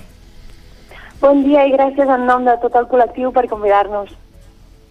Aprofitant eh, això últim que, eh, que comentàvem, de que utilitzes la línia en la seva dimensió internacional, ara m'imagino que deu resultar impossible viatjar fins a França per les restriccions, no? Eh, creus que quan hi havia normalitat en el servei era bo o si podien fer millores? Efectivament, la situació és força complicada ara i bé, abans de la Covid-19 el que teníem era un potencial molt bo però molt desaprofitat. Per posar-vos una mica en context, la línia R3 és una línia internacional que pel nord acaba a la Tor de Carol, que ja és en territori francès, i des d'allà surten tres línies de tren, el nocturn que va fins a París, el regional a Toulouse i el tren groc que va fins a Vilafranca al Consell. Però els horaris dels trens de l'R3 no estan coordinats amb els dels trens francesos i això provoca llargues esperes i fa el viatge molt poc atractiu. A més, Rodalies tampoc informa els viatgers sobre la possibilitat d'aquests enllaços, però la bona notícia és que no és massa difícil posar-hi solució i això és més important que mai en un moment d'emergència climàtica en què l'aviació cada cop té menys cabuda i cal apostar pel tren. Perquè tu ets, ets usuària de- d'aquest recorregut, és a dir, quan has d'anar a París utilitzes doncs, el eh, tren nocturn que surt de, de la Tor de Carol fins a París? Efectivament, sí. Uh -huh. I, de fet, eh, hi va haver una campanya des de les pròpies eh, companyies, la, la companyia francesa, la SNCF i Renfe, doncs, de vendre conjuntament fins i tot viatges per anar de Barcelona doncs, eh, fins a Tolosa o fins a París. Però ara mateix això no s'ha posat en marxa, tot i que en el seu moment es va prometre. Eh, doncs tampoc no, bueno, no estic molt al corrent de que això passi, més aviat són dues companyies que no tenen gaire comunicació entre elles a, per la banda de l'atur de Carol, eh? Mhm. Però seria fantàstic que, que els horaris es coordinessin i que aquestes coses es poguessin fer, perquè realment seria, seria una visió de futur i una manera de viatjar molt més sostenible, sí. Si ja com dius doncs els usuaris eh, els horaris no s'acaben de, de combinar ara encara menys perquè per arribar doncs fins a la Cerdanya s'ha de fer amb autobús perquè la línia està tallada per les obres al túnel de Toses no sé si sabeu com està actualment l'estat d'aquestes intervencions que haurien d'acabar el mes de febrer Exacte, les obres del túnel han deixat la línia tallada entre Ribes i la Torre de Carol. Uh -huh. eh, són unes obres que van començar el passat mes de juny i no està previst, com has dit, no està previst que acabin fins al febrer, però bé, ja veurem si es retarden o no. De fet, les obres ja havien de començar a l'abril i, per tant, ja hi va haver un retard d'entrada important.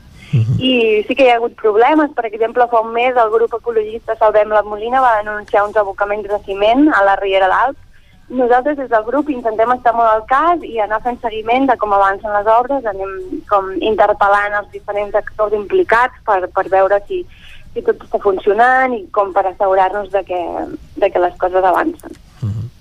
Mm. I parlant d'obres, Maria, aquests dies n'hi ha unes altres a l'estació de Sants de Barcelona i sembla doncs, que en aquest cas, com va passar també en el, en el túnel de Toses, hi ha hagut uh, força problemes. Què, què ha passat i quines afectacions tenen en els trens aquestes obres? Doncs sí, s'estan fent obres a Sants per tal de millorar la fluidesa del túnel de plaça Catalunya i durant diversos caps de setmana, ja des del mes d'agost, i també aquest últim cap de setmana, la R3 ha acabat el seu recorregut a Sant Andreu Arenal, és a dir, que no ha circulat per les estacions de dins de Barcelona.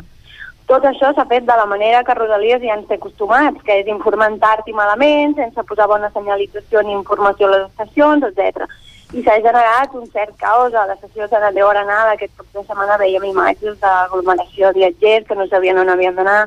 I bé, per si no fos poc tot això, dilluns ens vam trobar que a DIF encara no havia acabat la feina i això va provocar retards a totes les línies dilluns a hora punta del matí.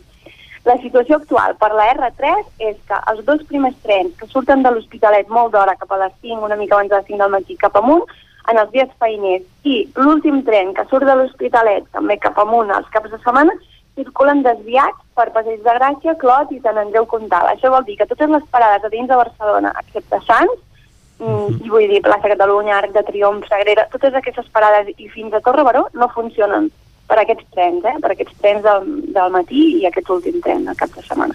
Uh -huh.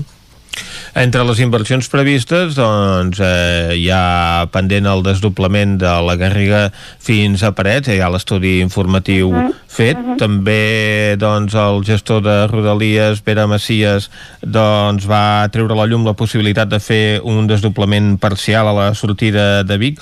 Vosaltres què en sabeu de tot això i com ho veieu?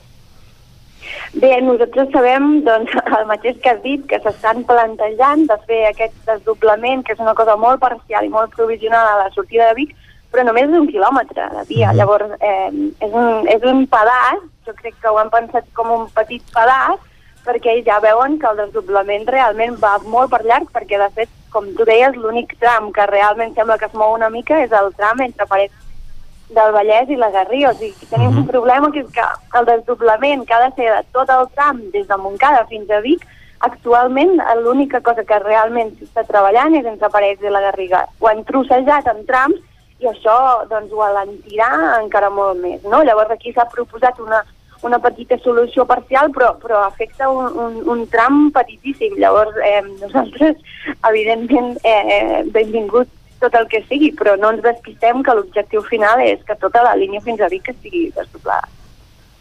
I a banda del desdoblament eh, hi ha problemes també amb, amb el tema de, dels trens, amb la freqüència sobretot, per exemple fa poc es van suspendre sis trens diaris eh, en sentit d'anar de 3 i en sentit de tornar de 3 més de l'R3 entre Granollers i, i Canovelles, què, què va passar i, i no sé si això s'ha solucionat d'alguna manera.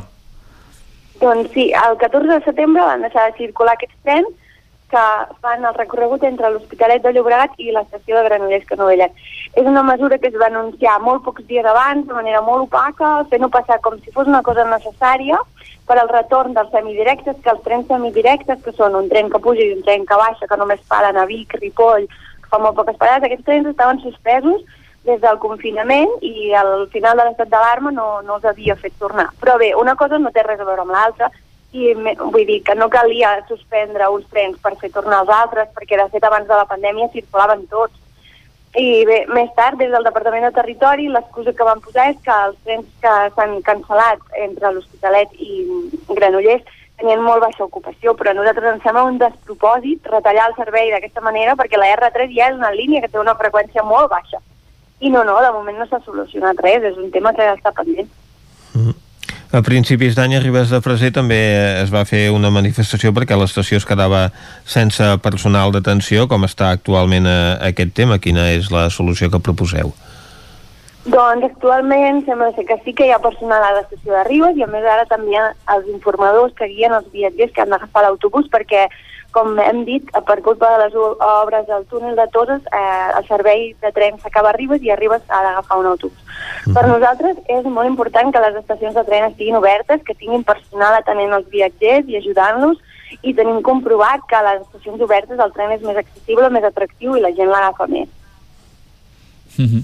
També, també eh, m'agradaria preguntar-te eh, per com afecta la Covid-19 als viatges eh, actualment en aquesta època de pandèmia. No sé si eh, es produeixen més aglomeracions per, per al tema doncs, que la, hi ha poca freqüència de trens també, que els trens a vegades són més curts dels que hauria de ser. No sé com està el tema. Doncs sí, doncs els trens van força plens, depèn de l'hora, òbviament, però en general a les hores punta és impossible mantenir la distància de seguretat i, com bé dius, els trens podrien ser més llargs i podria haver-hi més freqüència, però en lloc d'això el que ens trobem són retallades, o sigui, menys trens i una forta degradació del servei. Per exemple, en els últims mesos hem notat que moltes vegades la megafonia no funciona dintre els trens i això és crucial per les persones amb visió reduïda, per exemple. Altres coses que hem vist aquests últims temps, taquilles de venda de bitllets tancades o amb horaris molt reduïts, i no estic parlant dels mesos de confinament, eh, sinó molt després també. Les escales de les de, les escales mecàniques de l'estació de Vic estan espatllades des de fa més de dos mesos, o sigui, veiem que el servei s'ha reduït i s'ha empobrit i mm, des de territori no donen gaires explicacions, però el poc que diuen és que han baixat les vendes de bitllets. Però bé, nosaltres volem deixar molt clar el servei no ha de dependre dels ingressos. És un servei públic i per tant ha de funcionar perfecte, amb confinament o sense, amb teletreball o sense, els treballadors essencials o les persones que han d'anar a metge o a fer gestions o a cuidar un familiar ho han de poder fer i ho han de poder fer en tren. I més en un moment on s'ha demostrat que la contaminació atmosfèrica influeix negativament en la Covid-19 i encara més en un moment d'emergència climàtica. Uh -huh. Una altra de les promeses que es va fer, i ja farà més de 3 anys, és que hi hauria internet als trens. Però ara mateix això és una quimera. Sí, és una quimera total i de fet eh, nosaltres considerem que hi ha coses molt més urgents, és a dir que està bé que hi hagin aquests debats, però el, el que és fonamental és primer de tot que la R3 sigui un mitjà de transport fiable, que els trens siguin puntuals, que no hi hagin incidències cada dos per tres, també que els trens siguin completament accessibles, que les pantalles i la megafonia funcionin, que quan s'espatllen portes i lavabos no es trigui mesos i mesos a arreglar-ho, i també és molt important que els trens que venen o van fins a la Cerdanya i el Ripollet portin seients còmodes, perquè no es pot fer un viatge de més de 3 hores en un seient dur de tren de Rodalies, i això, malauradament, passa molt sovint. Uh -huh. I quan tinguem tot això arreglat, llavors podrem parlar de tenir dos els trens i fins i tot a tenir connexió a internet. Maria Còmoda, per què no ens fotin el tren? Gràcies per acompanyar-nos avui. Gràcies a vosaltres. Nosaltres ara puntualment fem una pausa de publicitat i tornem tot seguit.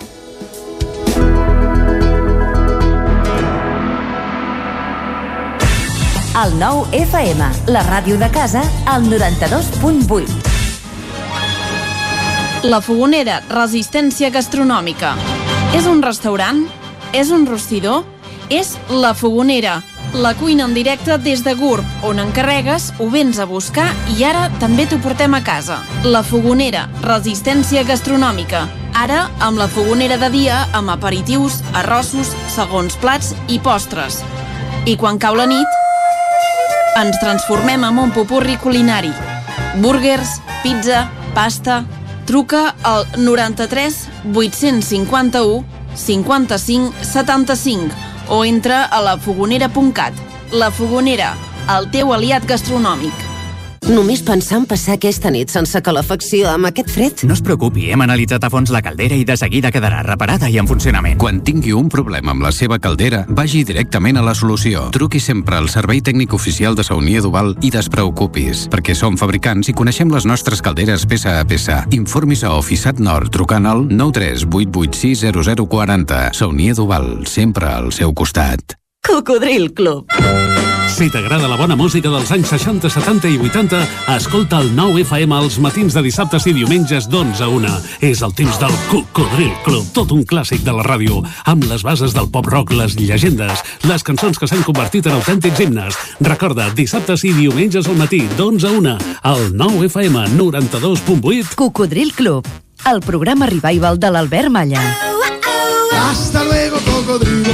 Anuncia't al 9FM. La màquina de casa. 9 3 8 8 9 4 9 4 9. Publicitat arroba al 9FM.cat. Anuncia't al 9FM. La publicitat més eficaç. Tens por de l'ordinador? Vine al Magí. Amb les nostres píndoles digitals aprendràs la diferència entre internet i el núvol, com utilitzar el mòbil i les apps, i si ets professor dominaràs el Classroom. Sessions totalment pràctiques, fàcils i interactives. Som a Vic, telèfon 693 75 0507 o també ens pots visitar al magí.cat. Inscripcions obertes. Cada territori té un atractiu o més d'un. El fruit, el paisatge, la seva gent, les pedres... Camins de l'Eix. Descobrint el capital de terra endins. Camins de l'Eix, dissabte a les 9 del vespre al 9 TV. Aquesta setmana, al Lluçanès, amb el suport de la Generalitat de Catalunya. 7 milions i mig de futurs.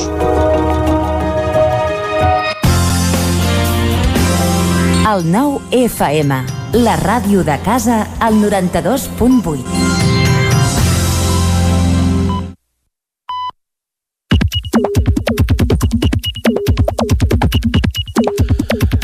Són dos quarts onze, és hora de fer un repàs a l'actualitat digital i segur que tuit a tuit, Isaac Moreno, has descabdellat la trama russa. Home, i tant. Pensa, ja ho deia l'Eugenio, eh? Mucho russo en Rússia, i ja ens, 10.000 i 100.000 ni sobren. Sí, I muy buena la ensaladilla russa, Exacte, també. i els polvorones de l'estepa. Uh, Pep Poblet, 10.000 rus, soldats russos, aviseu que faré un curs per tocar Balailaka. És el, Balalaika, perdó, és el futur. Els segadors a ritme de Casa Xof seria ben bonic. Arnau Tordera, anem posant fil a l'agulla? I clar, l'Elodit respon... Arnau Tordera respon, jo ja estic assajant, però també li respon l'Enric Pallàs, pots tocar els segadors a, a un portaavions rus al port de Barcelona carregat de míssils terra-aire. Eric Herrera, el més trist de tot és que no sigui real, però encara és més dramàtic que en el cas que fora cert el president no acceptés l'ajuda. En fi. Uh, canviant de qüestió, l'eurodiputat socialista Javi López piulava resulta que ara Catalunya llença un programa especial davant la pitjor crisi sanitària i econòmica en un segle, un 34% de pobresa infantil i desfensa del teixit industrial català. El govern destinarà 18 milions per enlairar nanosatèl·lits. Seria per riure si no fos per plorar.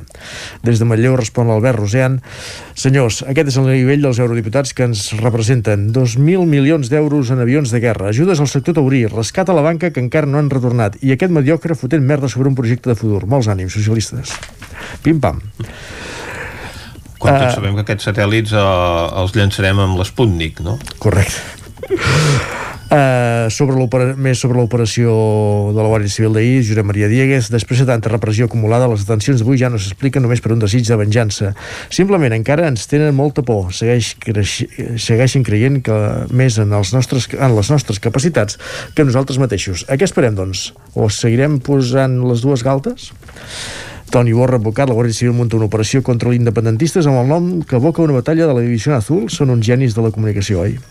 Anna R, alcaldessa de Vic, tornen a activar el relat de la por, ni les detencions, ni els escorcolls, ni la repressió a què ens sotmet l'Estat ens faran abandonar la lluita per un país lliure i anhel- l'anhelada república. Tot el suport des de Vic a les persones detingudes avui. L'exalcaldessa Ripoll i, i consellera Teresa Jordà ho deia Mandela, vaig aprendre que el coratge no és l'absència de la por, el coratge és guanyar-la. Amb tots vosaltres, companys, companyes coratjosos. Etiqueta guanyarem. I en canvi, un últim, enca, i encara una última qüestió des de cervesa, la cervesa Pilster Manlleu diuen, el primer tuit que fem i és per dir que l'Ajuntament de Manlleu i l'OPE i no sabem qui més, ens ajuda i molt dins les seves possibilitats als autònoms de Manlleu en tema Covid-19. Res envejar ajuntaments amb molts més diners en aquest tema. Per un cop que hi ha una, per un cop que a Twitter no hi ha una crítica sinó una felicitació, val la pena fer-nos un ressò. Respon una tècnica històrica de l'Ajuntament de Manlleu, la Betlem Parés. Moltes gràcies, 27 anys treballant des de l'OPE Manlleu. Doncs eh, queda dit i destacar aquesta tasca. Ara anem a destacar els titulars de portada del 99.cat. Uh, L'edició d'Osona i el Ripollès encara es pot recuperar la conferència d'Enric Casulleres a l'aula d'extensió universitària Gent Gran d'Osona d'ahir a la tarda. També el punt i final de peix amb, el, amb Farewell Uh, un detingut per enaltir els autors dels atentats de Barcelona i Cambrils i Osona doble en 5 anys el nombre de persones que demanen ajuda per addicció a la cocaïna. Carreguem ràpidament la portada verda, la del Vallès Oriental. Arrenquen les obres de construcció del tercer carril a la C-17 de Granollers a Parets. Concentracions de rebuig a l'operació de la Guàrdia Civil contra activistes, empresaris i els càrrecs del govern. Granollers farà pagar per la zona verda d'estacionament i, les, i el risc de rebrot baixa una mica després d'arribar a un màxim de 1.044 punts al Vallès Oriental. Doncs ens alegrem que baixi, esperem que continuï baixant. Ara et deixem pujar a dalt a la redacció i donem per acabada aquesta aportació diària de l'Isaac Moreno. Bon dia. Territori 17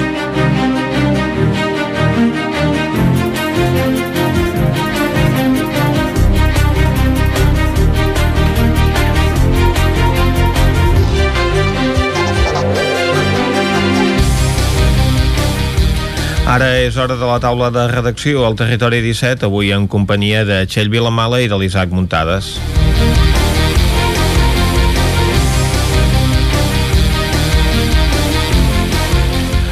Comencem, Isaac Muntades, parlant de la situació d'aquest brot de Covid-19 a Ribes de Freser, que ja s'ha endut la vida de sis residents a la residència municipal. Sí, correcte, Vicenç. De fet, aquest és, seria el titular una mica d'aquest brot de, de Covid-19 que va esclatar, doncs, com sabeu, el passat 13 d'octubre, després de, del pont, i evidentment doncs, ja hi ha sis persones que, que han mort a la residència. Eh, en el moment que entra doncs, eh, aquest brot que va, va ser a través d'una treballadora doncs, que com sabeu que va donar eh, positiu per coronavirus en una prova PCR i l'endemà mateix de, de que aquesta persona donés positiu doncs immediatament ja es van encendre totes les alarmes, es va començar amb un aïllament eh, preventiu de tots aquells eh, residents que hi havia al centre però eh, el virus ja s'havia extès i a la que es va comunicar doncs, a, el cas d'un positiu d'un resident eh, i de diverses persones que també tenien símptomes doncs ja, ja es van encendre totes les alarmes. Actualment per fer un quadre general doncs tindríem 39 residents positius que presenten doncs una simptomatologia lleu o que són asimptomàtics i per tant de moment no, no presenten cap, cap mena de símptoma ni aparentment. Eh, després n'hi ha un parell en una situació clínica inestable que com sabeu hi ha persones de fet eh, tots els, els residents que almenys tenim eh, controlats eh, els dos primers que van morir en principi ho van fer a la residència. En aquest cas no ha transcendit si, si ho han fet a, a l'hospital o, o a la residència però certament hi ha alguns uh, residents que en poques hores se'ls hi complica la situació i, i poden morir com és el cas que, que va passar amb els dos primers. Suposem que també ha passat això per tant s'haurà de veure uh, aquests dos residents que tenen aquesta situació clínica inestable què passen els propers dies.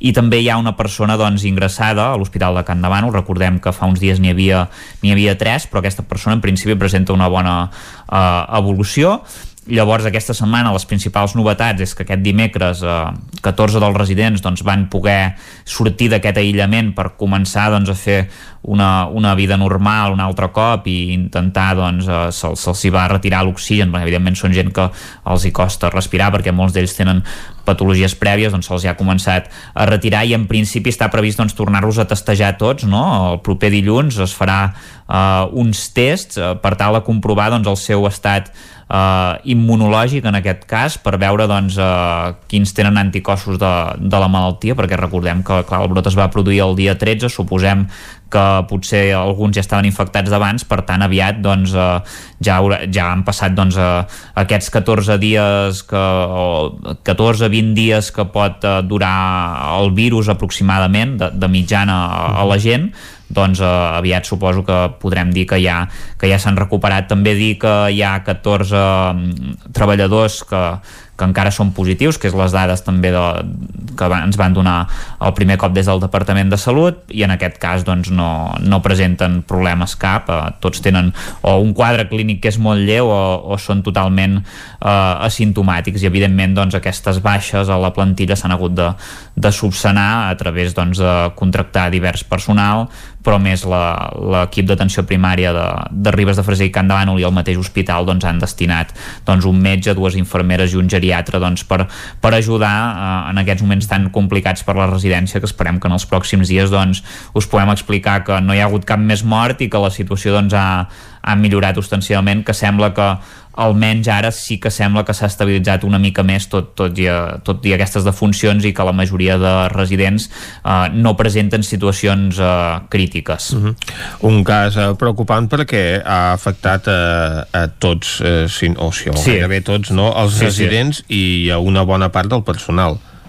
Sí, sí, de fet eren 47 de residents, que no, uh -huh. no sé si l'havia dit aquesta xifra, però són 47 residents i evidentment doncs, 39 eh, positius eh, entenem també a més a més que s'hi comptabilitzen els morts, per tant ha afectat pràcticament a tothom, de, de tots els residents de, de la residència i dels treballadors pràcticament hi havia una trentena, em sembla que ens va comentar l'alcaldessa que entre 25 i 27 n'hi havien, uh mhm. -huh. per tant més de la meitat eh, eren positius, uh -huh. per tant evidentment doncs es va haver, haver de contractar d'urgència molt de personal perquè amb la meitat de personal no pots cuidar de la mateixa manera els avis i amb això sí que es va ser molt diligent i aquí doncs eh, l'Ajuntament, tant el Departament de Salut com l'Ajuntament i això van, van actuar amb rapidesa i van van aconseguir doncs, que en cap moment hi hagués desatenció, que a vegades doncs, hem vist residències on, on s'han produït aquestes uh mhm. -huh. situacions i no, no és el cas de la de, la de Ribes de Freser. Uh mhm. -huh. I en canvi, malgrat aquesta situació, doncs, l'Ajuntament va demanar fer un cribratge massiu a la població -huh. i el Departament de Salut eh, s'hi ha negat, tot i que, com hem pogut comprovar, doncs, aquest eh, brot eh, s'ha estès com la pólvora entre els residents -huh. i els eh, treballadors, la possibilitat de que també s'hagués estès a la resta de la població població no ha quedat eh, determinada amb aquesta mesura excepcional que, per exemple, sí que es presta a partir d'avui a Manresa, en sis barris de Manresa, on es fa un cribratge massiu perquè tenen un, un índex de rebrot per sobre dels 700 punts, però és que Ribes va arribar molt més enllà. Sí, sí, Ribes va arribar passant dels 2.000 l'índex de, de rebrot, ara no recordo exactament la xifra, però era bastant, bastant alt. El que passa és que certament Salut el que va dir per, per no, l'Ajuntament ho va sol·licitar formalment de fer un cribatge massiu per veure doncs, a veure si el brot s'havia extès més enllà de la residència. Sembla ser que està molt localitzat. De fet eh, en els últims eh, 14 dies, ara no recordo si eren més d'una quarantena de, de positius els que s'havien detectat, per tant més o menys quadrarien amb, amb el tema de la residència, recordem que hi ha PCRs a vegades de gent que no viu a Ribes i per tant es comptabilitza en un altre poble, però això potser no són exactament doncs, aquests 56, però en l'última setmana de PCRs eh, positius eh, només n'eren 7, la qual cosa indica doncs, que segurament el brot eh, s'ha quedat molt a la residència i no s'ha extès al poble i per això Salut va dir que no calia un cribatge massiu i ja veient com ha anat la situació sembla ser que eh, difícilment es farà ara i ja. Si no s'ha fet mm-hmm. eh, la setmana passada que era quan era més crític no, no, no té pinta ni, ni té massa sentit que es faci ja. Ara que sembla que Ribes doncs, va baixant l'índex de rebrot i a més a més la taxa de reproducció de l'epidèmia que ara no n'estic no segur, però em sembla que ja baixava de, de 1, estava en 0,99, si no estic equivocat, per tant ja, ja baixava, per tant l'epidèmia no creixia a Ribes, perquè, per això que comentàvem, eh, perquè el brot està doncs, molt localitzat a la residència. Doncs esperem que continuï així la situació i vagi millorant, gràcies Isaac a vosaltres. On la situació en canvi no millora és a Osona i ahir des de l'Ajuntament de Vic els responsables sanitaris doncs feien un crit d'alerta perquè l'Hospital Universitari ja està al límit de les seves capacitats, Txell. Uh, hola, sí, bon dia. Efectivament, uh, ja vam dir la setmana passada que no anem bé, uh, aquesta vegada tampoc anem bé, de fet, uh, segurament anem més malament, i és veritat que hi ha les dades de Vic, també les dades de Manlleu, que no hi ha manera que millorin i que al contrari el que fan és anar empitjorant. Això, com bé deies, Vicenç, va motivar ahir una roda de premsa convocada per l'Ajuntament de Vic, a la qual també van assistir les principals autoritats sanitàries que intervenen a la ciutat, però per extensió a la comarca d'Osona estem parlant de representants representants del Consorci Hospitalari, de la Fundació Hospital de la Santa Creu i també de l'atenció primària, tant de l'equip d'atenció primària Vic Sud com de l'equip d'atenció primària Vic Nord, a més a més de representants de Salut Pública de la Generalitat, que van parlar eh, sobre l'estat de la qüestió, llançant sobretot aquest missatge que cal reduir la interacció social, que és l'única manera d'aturar el virus i que és primordial recordar una vegada més a la ciutadania, primer, que eviti els desplaçaments i les trobades innecessàries i llavors que compleixi aquestes mesures de mans, mascareta eh, i distància que ja hem anat repetint eh, des de que va arrencar la pandèmia al mes de març. Eh, unes quantes dades. En el cas de la ciutat de Vic, ara mateix el risc de rebrot està disparadíssim, per sobre de 2.000 punts. Recordem que a partir de 100 ja es considera molt elevat, per tant, eh, això és la, és la millor dada no? per, per veure com estem. Uh -huh. La taxa de reproducció del virus, que és uh, la velocitat que té a l'hora de propagar-se, és d'1,6, vol dir que cada nova onada de 100 infectats n'hi ha 60 més que en l'anterior, per tant, les dades tampoc són optimistes perquè aquesta taxa, quan més s'acosta, quan més uh, es distancia dur, uh, vol dir que el virus està més desenfrenat, per entendre'ns, uh -huh i llavors eh, tot això evidentment eh, també té una traducció tant al nombre de proves PCRs que es fan als CAPs i que donen positives com en els ingressos hospitalaris. En el cas de l'atenció primària, eh, Marta Serrarols i Berta Bonai, que són les directores respectivament de l'EAP Vic Nord eh, i Vic Sud, al revés, la Marta Serrarols de la Vic Sud i la Berta Bonai de la Vic Nord, explicaven que ells, a diferència del març, ara estan pitjor, estan més tensionats Sí que és veritat que tenen uh, més material de protecció, evidentment també poden fer moltes més proves diagnòstiques, però elles explicaven uh, que treballen al 200% perquè al març el diagnòstic que es feia era eminentment clínic, uh, partint dels símptomes que descrivien els pacients, no hi havia aquesta possibilitat de fer proves microbiològiques. Ara, evidentment, sí, uh, s'ha de fer tota aquesta feina d'anar prenent les mostres, enviar-les a analitzar, mm. i llavors, posteriorment, recordem que des de l'atenció primària també s'ha assumit la tasca de fer tant el seguiment dels positius com el seguiment de la seva cadena de contactes, programar noves proves PCR per tots els familiars, amics de la persona positiva. Per tant, elles deien que això és una sobrecàrrega laboral brutal. Uh -huh. uh, recordem que, a més a més, també intenten uh, donar resposta a les altres patologies que continuen existint, perquè uh -huh. parlem molt del coronavirus, però, evidentment, també s'han de fer controls del síndrom, uh, també s'ha de mirar la pressió, i hi ha molts altres tipus de, de malalties, i deien que és veritat que sí que han pogut reforçar reforçar una mica en personal, però que igualment eh, treballen això, al 200%. I parlaven eh, sobretot d'una falta d'infermeres, que es va repetir també en les intervencions que van fer des del Consorci Hospitalari i l'Hospital eh, de la Santa Creu. Això és especialment preocupant perquè, per exemple, en el cas de l'Hospital Universitari de Vic, de les 12 plantes disponibles a banda de la de salut mental, ara ja n'hi ha 3 ocupades per pacients amb coronavirus, això són una setantena de persones, i el doctor Pere Soleil, que és el gerent de l'hospital, explicava que en el moment que hagin d'obrir la quarta planta, com que s'hi haurà de destinar personal, és probable que l'activitat quirúrgica que s'havia anat ajornant durant la primera onada i que ara han pogut recuperar novament eh, s'hagi de tornar a aturar i per tant eh, ho cito a l'atzar, eh? no sé si és així, uh -huh. però mhm. que operacions de cadera, operacions que estaven no urgents, no urgents que s'havien ara recuperat, tornin a quedar parades en el calendari, per tant uh -huh. que hi hagi moltes persones eh, que quedin a l'espera de poder-se operar. Per això el doctor Soler i també la doctora Rosa Maria Morral, que és la directora assistencial del Consorci, van fer aquesta crida a reduir la interacció perquè ells deien eh, que el que estan intentant fer és mantenir l'equilibri entre atendre els pacients amb Covid-19 però evidentment també donar resposta a tota aquesta activitat quirúrgica també de proves com complementàries com poden ser tacs, ressonàncies eh, que evidentment requereix personal i que si pugen molt les infeccions i hi ha molts ingressos, aquest personal s'ha de derivar d'aquesta activitat eh, ajornada que ara recupera cap a atendre pacients amb coronavirus. Uh -huh. Llavors, una altra dada preocupant en el cas de l'Hospital Universitari concret, eh, a l'UCI aquí a Vic hi tenim 10 llits, ara van explicar que estan tots ocupats, tots ocupats. Això vol dir que si un pacient que està ingressat a l'hospital eh, empitjora i requereix d'una unitat de cures intensives, se l'ha de traslladar a un altre centre hospitalari de Catalunya. La doctora Morral va explicar que això ara és possible perquè eh, la situació no és igual a tot arreu i hi ha llits disponibles. Ells cada dia eh, comuniquen tres vegades al dia eh, com estan els seus llits de la UCI, també reben informació de la resta de centres i és el SEM, que és qui coordina aquests llits de crítics, qui decideix eh, com s'ha de fer aquesta distribució i qui pot rebre, qui ha d'enviar, etc. Mm -hmm. També explicava la doctora Morral que si la situació continua empitjorant, es plantegen, evidentment, habilitar una segona UCI, com ja es va fer de manera temporal el mes de març i que això explicava novament que implicarà que eh, personal anestesista sobretot i personal que habita, eh, normalment treballa a quiròfon també s'haurà de traslladar a atendre aquests pacients crítics de manera que tornem a ser al cap del carrer perquè fa eh, a deixar a desprogramar una vegada més aquesta activitat de jornada que s'ha anat recuperant. Uh -huh. Llavors, en el cas de l'Hospital Universitari de la Santa Creu eh, també es va explicar, ara hi tenen més de 20 pacients amb Covid-19 de tres plantes, una ja està destinada exclusivament al coronavirus. Uh, també el doctor Espaulella, que és el, el coordinador, explicava uh, que cal intentar mantenir l'equilibri perquè ells són experts en cures pal·liatives, atenció a la gent gran, i és clar, quan més esforços s'han de destinar al coronavirus, menys personal tenen uh, per fer tota la resta de feines uh, habituals.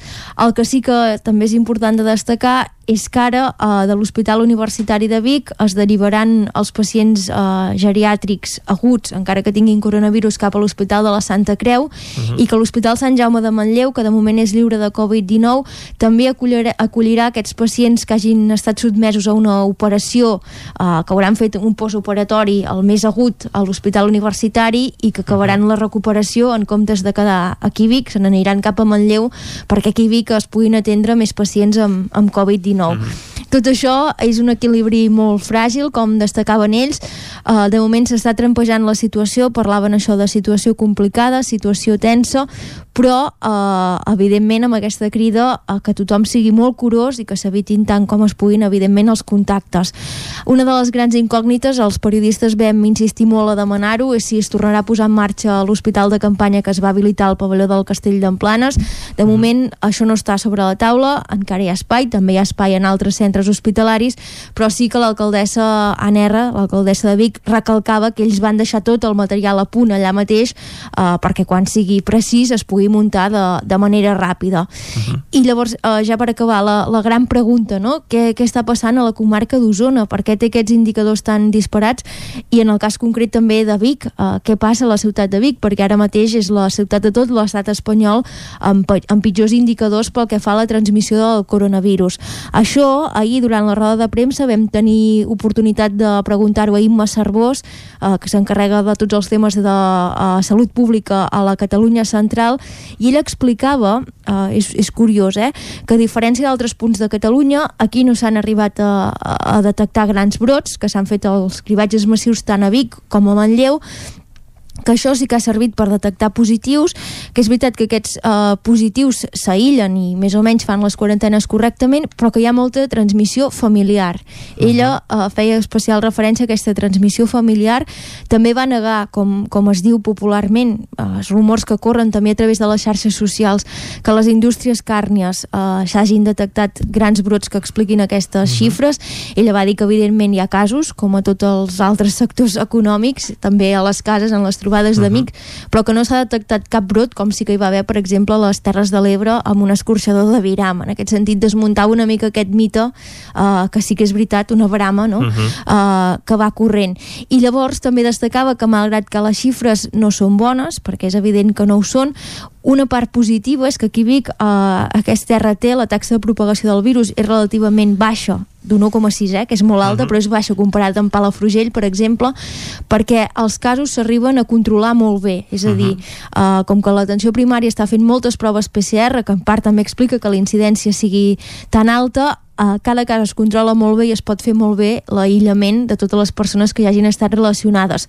Tot i que, evidentment, uh, això, diguem, és només un bri d'esperança enmig d'un panorama que efectivament és, és bastant negre. Doncs, efectivament, després d'aquesta aquestes històries de por que ens acabeu d'explicar, nosaltres anem corrent cap al cine. Territori 17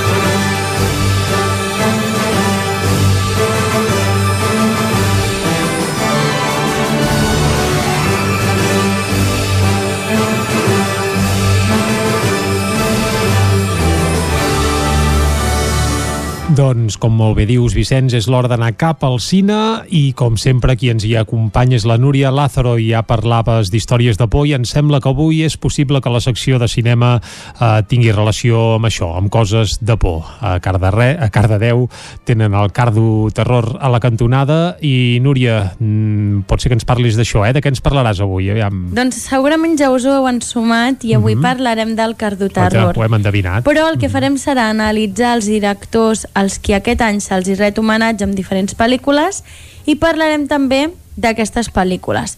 Com ja sabeu, aquest any la temàtica és la sèrie B. Són pel·lícules que originàriament se les coneixia com de baix pressupost durant l'època daurada de Hollywood i acostumaven a ser westerns. I als anys 50 la sèrie B va agafar un significat més ampli referint-se aquelles produccions de baix pressupost i baixa qualitat amb gèneres dominants com el terror, la ciència-ficció i l'acció. De fet, la sèrie B ha sigut, per a molts actors i directors, els primers passos en el món del cinema i han impulsat a la fama grans directors com, per exemple, Jacques Tourneur o actors com el Humphrey Bogart. Es la noche del baile de los estudiantes. Para Chris, Cindy y JC Puede ser la mejor noche de su vida.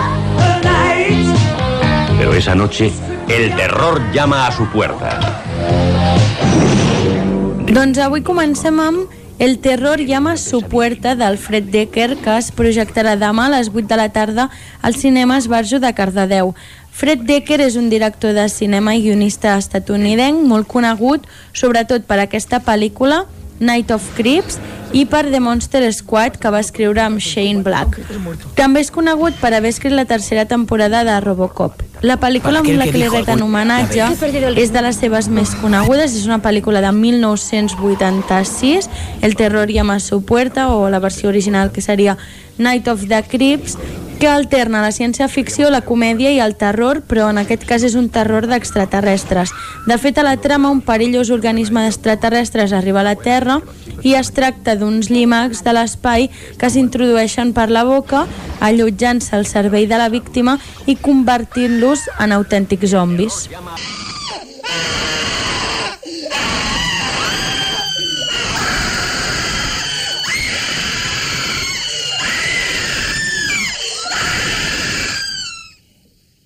Dissabte el Cardoterror comença amb The Thingler, del 1959 del William Castle, que és un actor, director i productor de cinema nord-americà que va morir al 1977 i que va fer pel·lícules com La dama de Shanghai d'Orson Welles o Project X, que és una de les seves últimes pel·lícules. A The Tingler, del 1959, ens trobem amb el Vincent Price, que és un metge que descobreix que el cos humà, quan percep una forta impressió, és capaç de crear una criatura que s'extén al llarg de la seva columna vertebral. La seva pitjor ocurrència serà per atendre extreure-la del cos. És una pel·lícula que podreu gaudir dissabte a les 10 del matí al cinema Esbarjo. August 14th, notes an experiment designated X. Experimental subject myself, James Xavier. The most fantastic experiment you have ever taken part in. Després de The Tingler a les 12, l'homenatge serà per al Roger Corman amb la projecció de l'hombre con rayos X en los ojos, és una pel·lícula del 1963 on la doctora Diane Farfax notifica al doctor James Xavier, un científic de prestigi internacional, que la fundació que ha estat finançant amb les seves investigacions sobre la vista no seguirà recolzant-lo per falta de resultats. Aquesta notícia fa que Xavier decideixi provar a si mateix un perillós suero que proporciona visió de rajos X. És una pel·lícula, com deia, en homenatge a Roger Corman, que és productor i director de culte estatunidenc conegut per les seves nombroses pel·lícules de baix pressupost, però és que, de fet, sota la seva direcció van començar els seus primers passos en el cinema nombrosos directors ara famosos com el Francis Ford Coppola Martin Scorsese, James Cameron o John Sayles, però també actors importants van començar la seva carrera amb Croman, com per exemple el Jack Nicholson, Peter Fonda, Bruce Dern, Michael McDonald o el Robert De Niro, entre d'altres. Siempre hay fantasmas a nuestro alrededor. La mayoría no puede hacernos daño, ni siquiera quiere hacernos daño. Pero hay excepciones.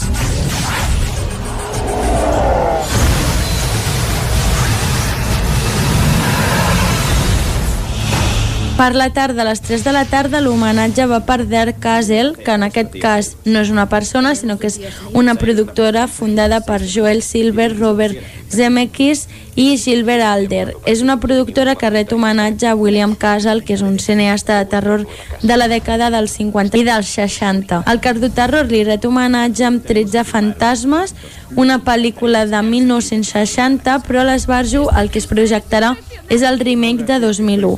En ella a la família Críticos, que viu en perfecta harmonia fins que una desgràcia acaba amb la vida de Jean, que és l'esposa de l'Arthur, el protagonista de la pel·lícula, i la, bueno, la, la persona que mor, la Jean, també és la mare de la Katie i la Bobby.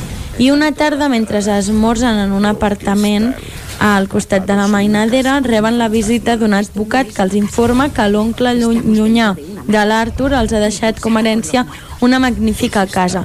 La família visita l'habitatge i en trobar-la tan sofisticada i ultramoderna decideixen fer-ne una passejada per l'interior. I fins aquí no us explicaré més sobre la pel·lícula, ja us podeu imaginar amb el títol 13 fantasmes, de què va i si no, la podeu anar a veure a l'Esbarjo dissabte a les 3 de la tarda. If you think you're not afraid of the dark, if you think you have a strong stomach, if you feel nothing can shock you, if you say you don't scare easily, if you believe you've seen everything, then prepare yourself for... Per diumenge a les 10 toca l'homenatge a David Cronenberg amb Vinieron de Dentro de, que és una pel·lícula de zombis que passa a la torre Starline on un científic crea per mitjà d'unes modificacions genètiques una espècie de llimacs. Aquesta pel·li es projectarà en homenatge a, de a David Cronenberg, director de cinema canadenc i actor en algunes ocasions, i és un dels principals iniciadors del que es coneix com a body horror o horror corporal, que és un estil per fer pel·lícules que explora les pors de la gent per la transformació i la infecció corporals. Ghosts. Hello, Ghostbusters. They're real. You do? They're mean. You have? They're here.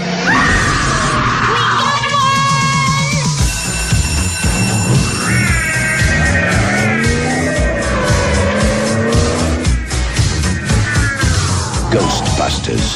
Hey, anybody see a ghost? They catch the ghost that won't stay dead.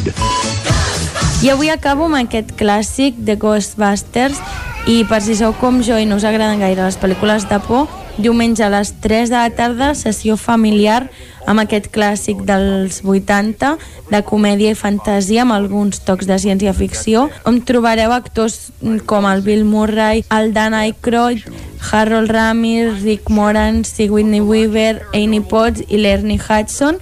És una pel·lícula que va ser un èxit de taquilla i es va registrar com la comèdia més taquillera de la dècada i la seva banda sonora va guanyar el Premi BAFTA a la millor cançó original. No t'ho perdis. Estrenes de la setmana. I passem ara a les estrenes. A l'Esbarjo ho tenim clar, així que anem a veure els altres cinemes. Comencem amb el casal Camprodoní de Camprodon. Necesito un billete. ¿De dónde?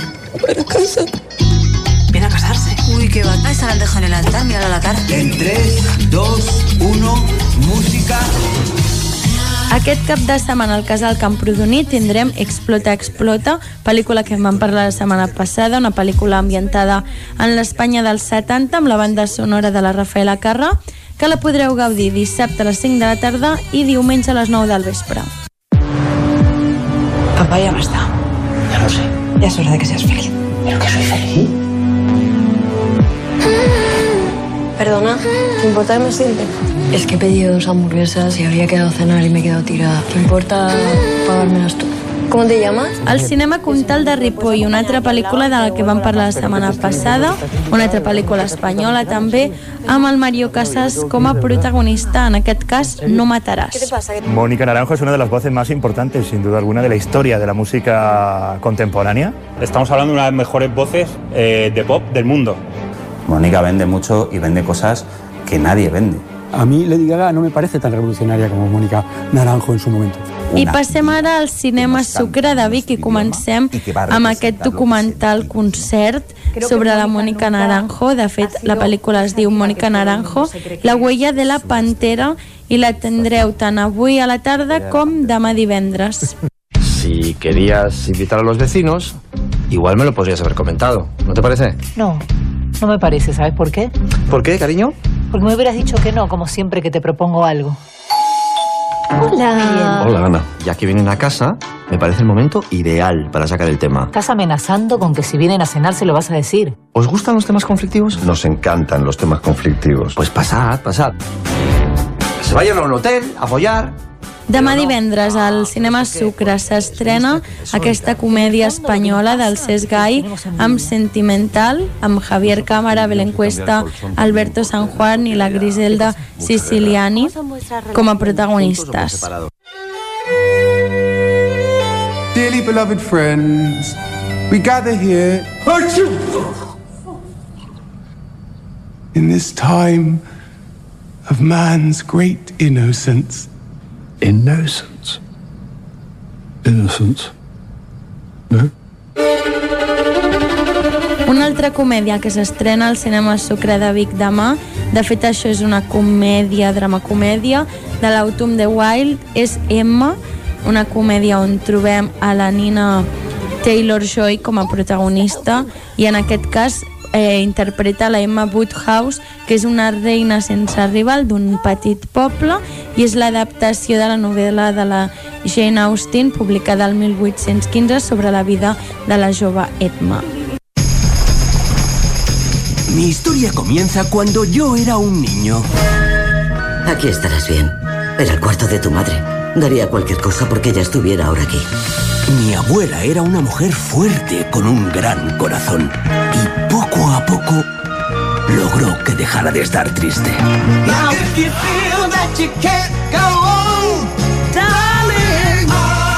Yo no lo sabía. Pero una sombra oscura se cernía sobre mí. Una altra estrena, en aquest cas també una comèdia, demà divendres, Les brujes de Roald Dahl, en aquest cas amb la Anne Hathaway com a protagonista, l'Octavia Spencer, l'Stanley Tucci, o sigui, actors de categoria en aquesta versió adaptada de la novel·la Les brujes de Roald Dahl, que podrem gaudir als cinemes i que crec que serà una de les que aniré a veure, així que ja us diré què tal la setmana que ve.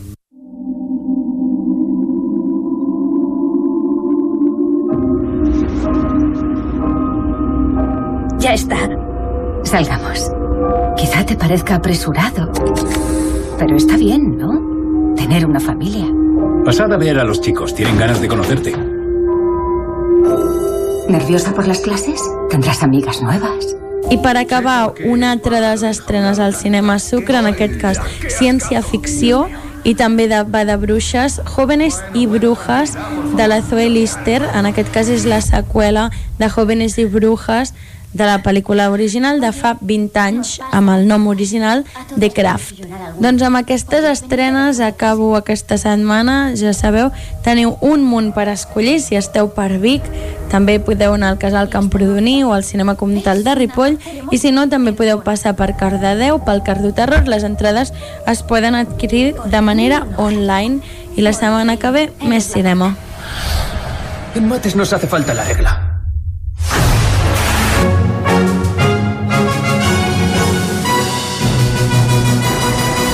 Les 11 i 6 minuts i després de parlar de cinema el que toca és acostar-vos de nou l'actualitat de les nostres comarques, les comarques del Ripollès, Osona, el Moianès i el Vallès Oriental. Territori 17, amb Vicenç Vigues i Jordi Sunyer.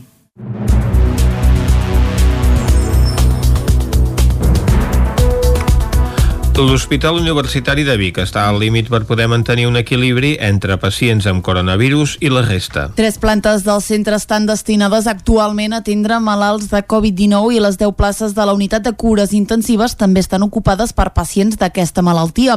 En total, al centre hi ha 70 persones ingressades per coronavirus, ho explicava aquest dimecres Rosa Maria Morral, directora assistencial del Consorci Hospitalari de Vic en una roda de premsa que va reunir l'alcaldessa de Vic, Anna R, amb els màxims representants del Consorci. tenim una mitjana d'ingressos de 12 ingressos cada dia de pacients Covid eh, que encara eh, no superen, per sort, els, els ingressos que tenim de pacients no Covid. Eh? Estem mantenint encara l'equilibri. Però tot i així ja tenim tres plantes de l'hospital ocupades per pacients Covid. De moment no s'han desprogramat proves, però sí que es manté, si es manté la tendència, perdoneu, creixent del virus, s'haurà d'ampliar la UCI al personal que s'hi destina i caldrà limitar la resta d'activitat hospitalària. Els responsables de salut dels hospitals usonencs de l'atenció primària i l'alcaldessa de Vicana R feien una crida a seguir les mesures de seguretat i evitar al màxim l'activitat social aquest dimecres en una compareixença conjunta a la sala de la columna. A Vic el risc de rebrot supera els 2.200 punts i preocupa la gran capacitat de contagi que hi ha a la ciutat amb una velocitat de reproducció d'1,6. Sí que es destacava que dels casos se'n pot fer un control clar. Sentim per aquest ordre a Imma Cervós, eh, sotsdirectora de l'Agència de Salut Pública a la Catalunya Central, Marta Serrarols, directora de l'EAP Vic Sud, i Anna R, alcaldessa de Vic.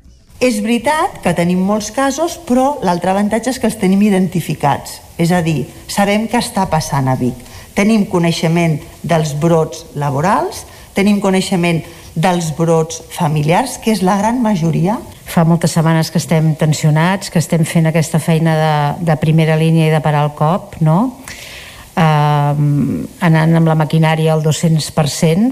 Ajudar a que això aconseguim per um, com sigui, que la ciutat de Vic doncs, això baixi, perquè si no sí que podem arribar doncs, a algun tipus de col·lapse sanitari que pot arribar a tot Catalunya, però nosaltres anem els primers diguem-ne del rànquing i suposo que no volem això doncs, ni per Vic ni per Osona. La manca de personal d'infermeria, un problema que ja s'arrossegava, s'està fent encara més difícil de solucionar amb la pandèmia. A l'Hospital de la Santa Creu en aquests moments es destina una planta a pacients amb Covid-19. N'hi ha 24 d'ingressats. Des que la Generalitat de Catalunya va decretar el toc de queda, la nit de diumenge a dilluns, a la capital usonenca la Guàrdia Urbana de Vic només ha interposat una denúncia per no complir amb les noves restriccions. Tot i que la nit de diumenge a dilluns la presència dels agents de la Guàrdia Urbana a la via pública tenia tenia un caràcter purament pedagògic, dilluns a partir de les 10 de la nit el cos policial ja podia començar a multar. A Vic des de llavors només s'han interposat una denúncia a un ciutadà que va sortir a passejar el gos fora d'hora.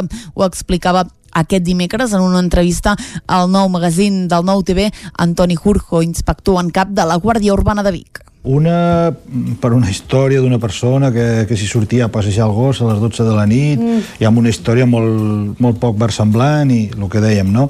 Si, eh, per exemple, jo que sé, si una persona eh, eh, treballa fins a les 22 hores eh, a partir de les 22 ja no es pot circular pel carrer, però treballa fins a les 22 i ha de treure el gos fins a les 22.15 i això ho pot explicar el policia que el para mm. li explica d'una manera coherent i versemblant doncs en principi segurament no, no li aixecarà cap, cap denúncia vale?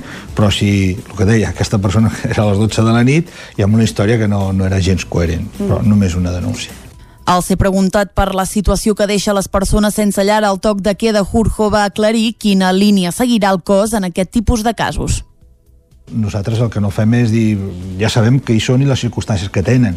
Llavors els has de tractar d'una manera diferent a, a la resta de gent, en el sentit que si el trobes deambulant i saps que viu en un determinat lloc, bueno, intentes que, que deambuli el mínim possible, perquè, clar, mm, tota la mobilitat genera problemes.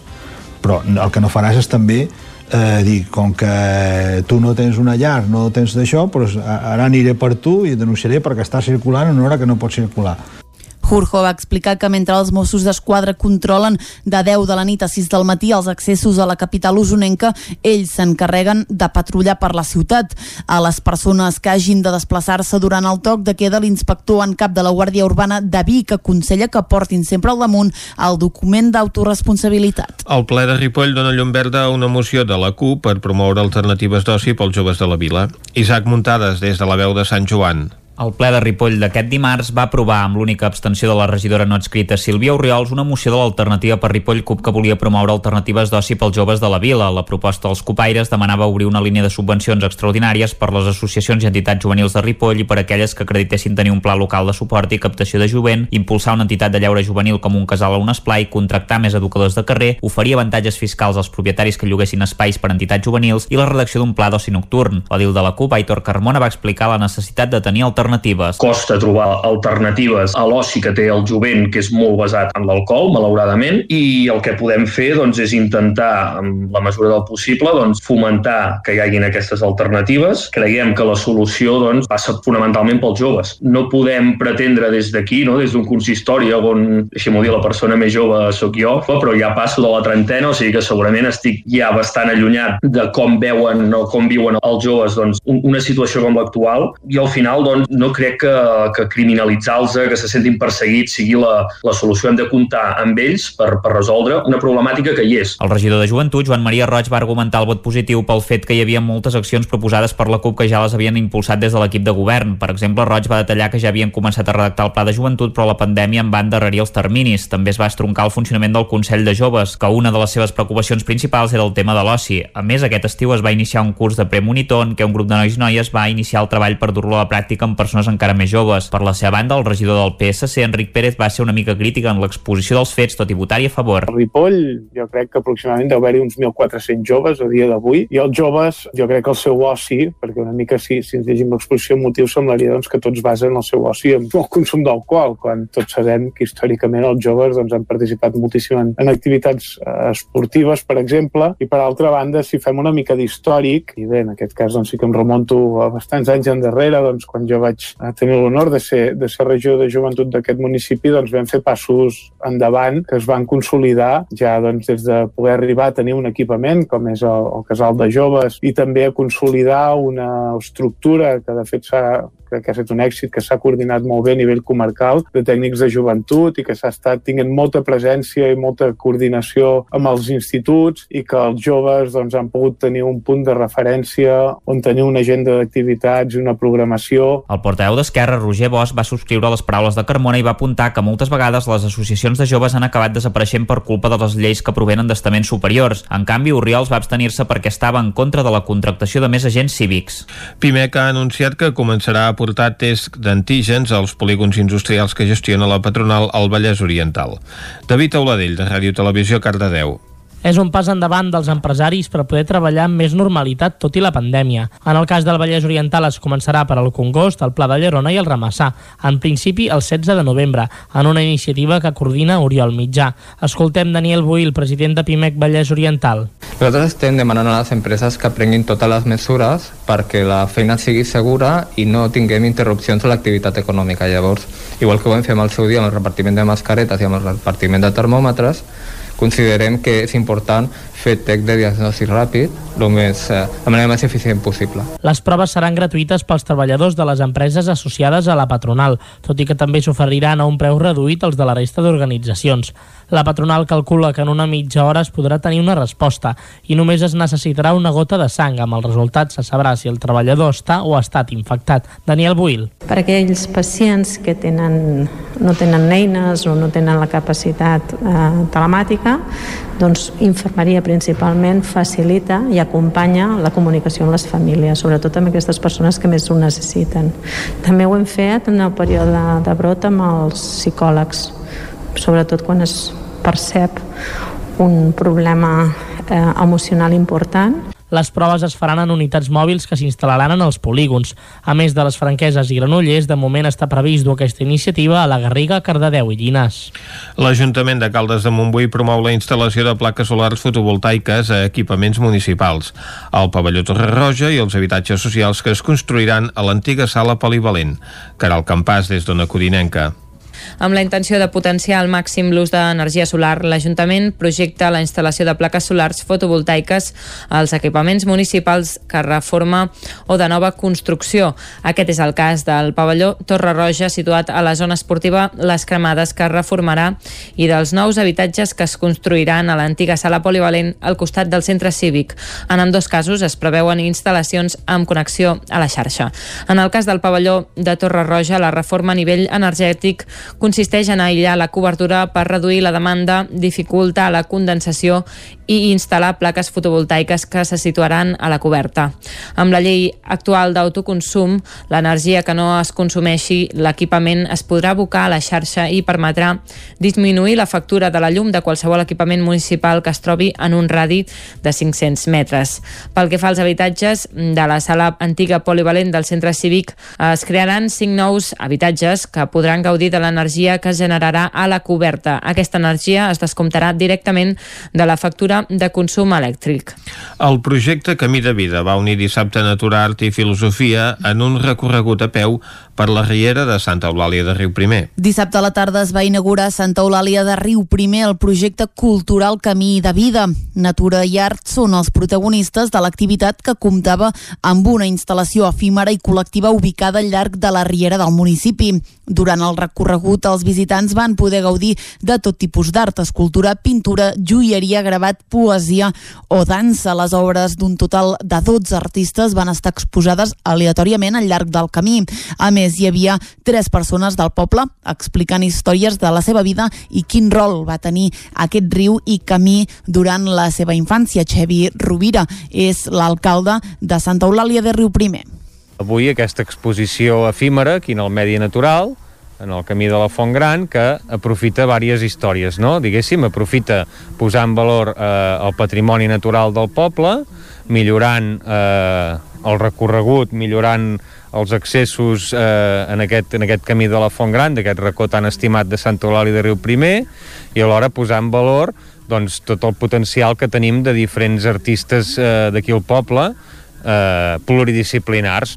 El projecte sorgit del Consell de Cultura de Riu Primer pretén fer reflexionar la gent sobre la importància del camí vital, especialment en el context actual. Durant la jornada es van mantenir totes les mesures de seguretat, controlant i regulant l'accés al camí. I fins aquí el butlletí informatiu que us hem ofert amb les veus de Vicenç Vigues, Clàudia Dinarès, David Auladell, Caral Campàs i Isaac Muntades. I ara el que toca, arribats en aquest punt, és saludar de seguida la Cristina Enfruns, que cada 15 dies ens ve a visitar aquí a Territori 17 i ens ajuda a parlar una mica millor el català. De seguida la saludem. Me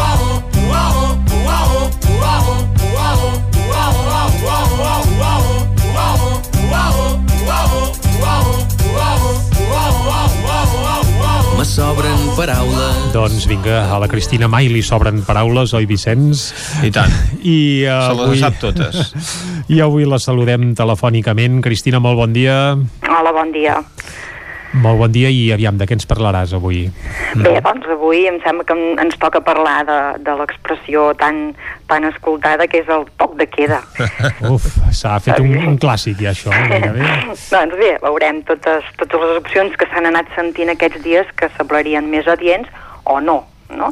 Sembla que, que pel poc ús de l'expressió i pel fet que és massa igual que el castellà ens fa pensar que, que no és correcte i per això en busquem d'altres. I és correcte per això o no? Bé, ja sabem que, que el DIEC aquesta, dona l'expressió aquest toc de queda com a norma- normativa, eh? És, és normativa i per tant és una expressió correcta. Per tant, l'hem de complir, no? Si ens han de dir, heu de, heu, heu de fer el toc de queda, no ens queda més remei que fer el que ens diuen. Doncs sí, l'hem de complir i evidentment eh, és la paraula normativa, eh? Ara bé, això no vol dir que, que, que hi hagi això. Pugui haver-hi diferents opcions, que ara us explicaré una mica, i llavors vosaltres us quedeu amb el que, amb el que vosaltres més eh, veieu més clar, no? Uh -huh. Que quedi clar que queda en espanyol ve del llatí quietus, que vol dir quiet. I la queda es tocava amb una campana que es deia campana de queda. L'última vegada que es va sentir aquesta expressió, ara l'hem sentit molt, molt últimament aquests dies, però l'última vegada que es va sentir aquesta expressió va ser eh, pel 23F de l'any 81. Llavors sí que vam sentir aquesta, molt aquesta expressió toc de queda. Però des de llavors era una expressió que gairebé havíem oblidat de, del nostre vocabulari. I ara ha tornat a, a sorgir.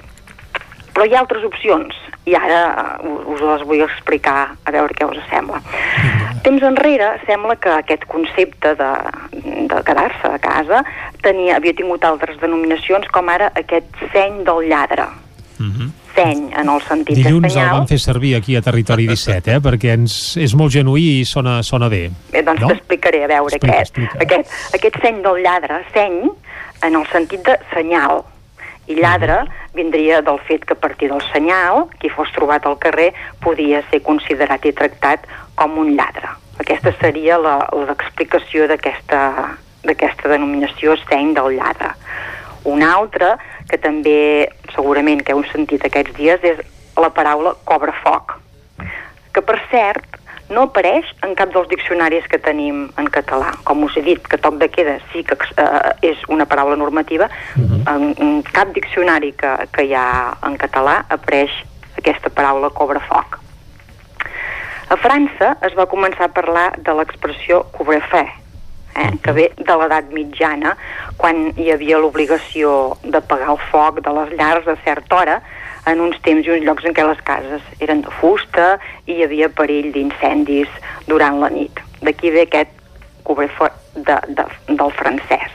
A Itàlia també apareix la, aquesta paraula, com, perdoneu-me la pronúncia, eh, com a coprifuoco, eh, també per restringir la mobilitat.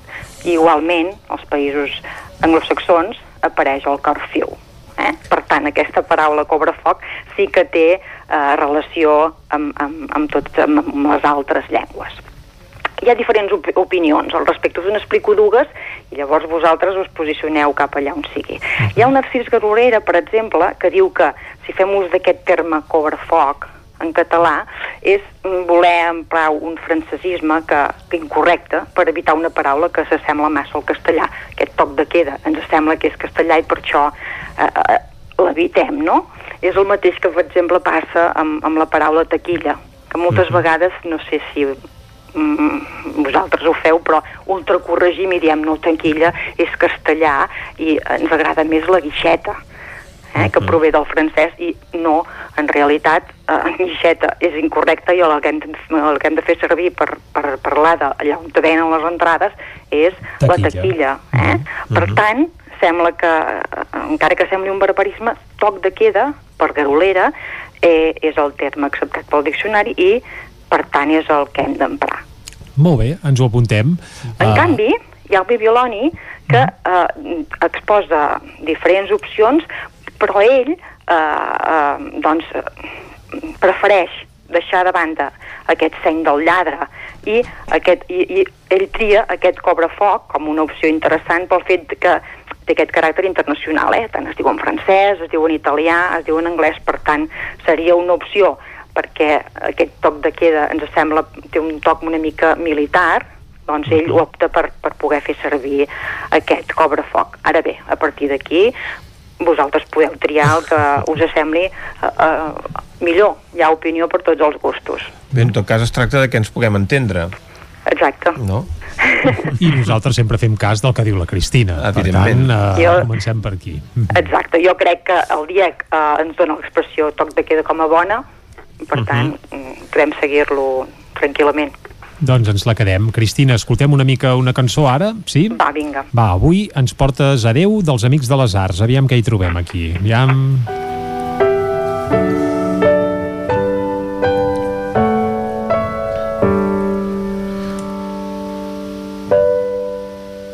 Dieu-li al pare que si vam ser dos estranys no tingui cap remordiment. Bé, la cançó és molt llarga, dura més de 5 minuts, i els Amics de les Arts a vegades s'hi abonen amb les lletres, i Cristina, tenim just un minut per, perquè ens No, expliquis que, uh, què eh, passa en aquesta cançó. Res, res, només escoltant la primera frase ja era allà on hi havia el parany, per tant, ells diuen dieu-li al pare, aquest dieu, quan, ens quan es tracta de l'imperatiu d'un verb, no és dieu, sinó digueu. Eh? I per tant, ell va repetint en, en, ells van repetint en tota, la, en tota la cançó aquest dieu al pare, I després diuen dieu a la mare, a la mare també. eh? i per tant eh, hem de pensar que digueu, eh, l'imperatiu és uh, correctament seria digueu, igual com uh, aquest pleonasme de repetir digueu-li al pare. Eh? Mm. És més recomanable no repetir l'indirecte amb el pronom feble i, en, i, i el complement. I per cert, eh? Cristina, deixem dir que ells la titulen adeu amb accent a la E. En teoria ja han caducat els diacrítics termini, o no, eh? Ja s'acaba, eh? acabant el termini. Fins per, per Nadal hauríem... encara s'hi val, per això com, com anava això? Es deien fins al novembre, ara amb tot aquest, mm -hmm. amb tot aquests uh, esdeveniments que, que, que passen, no ho sé si ja és el novembre o quan serà. Va, Cristina, principi del novembre. Doncs t'hem de dir adeu ara, eh? Va, vinga. Fins d'aquí 15 Apa, dies. Gràcies, Arriba el toc de queda, Cristina. Adéu. Adéu. Territori 17 El nou FM, la ràdio de casa, al 92.8 Pintures Xavi Soler. Tot en pintures. Façanes, obra nova, rehabilitacions interiors de vivenda, estucs, microciments, pintura industrial, motllures, terres vinílics... Pintures Xavi Soler. Ens agrada assessorar-vos i fer de casa vostra el millor lloc del món. Ens trobareu a Manlleu, al carrer Sogorb 113, telèfon 616 15 87 33 o 93 851 3504. Cocodril Club. Si t'agrada la bona música dels anys 60, 70 i 80, escolta el 9 FM els matins de dissabtes i diumenges d'11 a 1. És el temps del Cocodril Club, tot un clàssic de la ràdio, amb les bases del pop-rock, les llegendes, les cançons que s'han convertit en autèntics himnes. Recorda, dissabtes i diumenges al matí, d'11 a 1, al 9 FM 92.8. Cocodril Club, el programa revival de l'Albert Malla. Hasta luego, cocodrilo. Cobertes serveis funeraris. Els nostres tanatoris estan ubicats en els nuclis urbans més poblats de la comarca d'Osona per oferir un millor servei. Tanatori de Vic, Tanatori de Manlleu, Tanatori de Centelles i Tanatori de Roda de Ter. Sabem que són moments difícils i per això el nostre compromís és atendre-us en tot moment amb un tracte humà, sensible i respectuós. Cobertes serveis funeraris. Telèfon 24 hores 93 883 23 46. No em trec la imatge dels nens amb cara de velocitat baixant per la pista vermella. Sí, molt divertit. I quin fred. Uh. Tranquil·la, he deixat l'estufa encesa i la casa està calenta. Sempre tenim sort de comptar amb Corretja. Són especialistes en aïllaments i estufes. Acabar la jornada d'esquí amb la família al voltant de l'estufa i amb aïllaments de primera és 100% Corretja. Corretja. Tot i més a corretja-sl.com Et costa l'escola? Vine al Magí. T'oferim atenció personalitzada en grups reduïts per descobrir i superar els obstacles per aprendre. Treballarem l'organització, les tècniques d'estudi i diferents estratègies a nivell emocional per encarar les dificultats. Som a Vic, al carrer Bisbe Morgades 12, telèfon 693 75 05 07 o també ens pots visitar al magi.cat. Inscripcions obertes. Cada territori té un atractiu o més d'un. El fruit, el paisatge, la seva gent, les pedres... Camins de l'Eix. Descobrint el capital de terra endins. Camins de l'Eix, dissabte a les 9 del vespre al 9 TV. Aquesta setmana, al Lluçanès, amb el suport de la Generalitat de Catalunya. 7 milions i mig de futurs. El 9 FM, la ràdio de casa, al 92.8.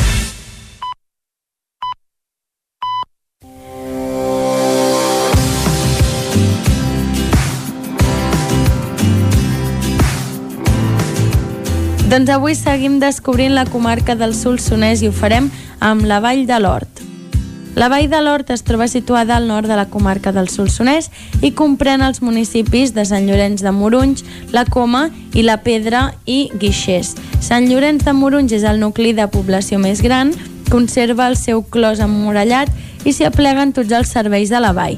La Coma i la Pedra són dos nuclis de població que formen un únic municipi envoltat de fonts i rouredes centenàries i Guixers és el municipi amb extensió de territori més gran de la vall on la població viu disseminada en masies. Els principals rius que transcorren per la vall són el Cardaner, que neix a la Coma, i l'aigua de Valls, que passa pel terme de Guixers. Aquesta zona també es caracteritza pel pantà de la Llosa del Cavall i pel gran nombre de fonts que es poden trobar en qualsevol recorregut. Les aigües d'algunes fonts tenen propietats medicinals i d'altres són molt apreciades per al consum diari dels habitants de la comarca.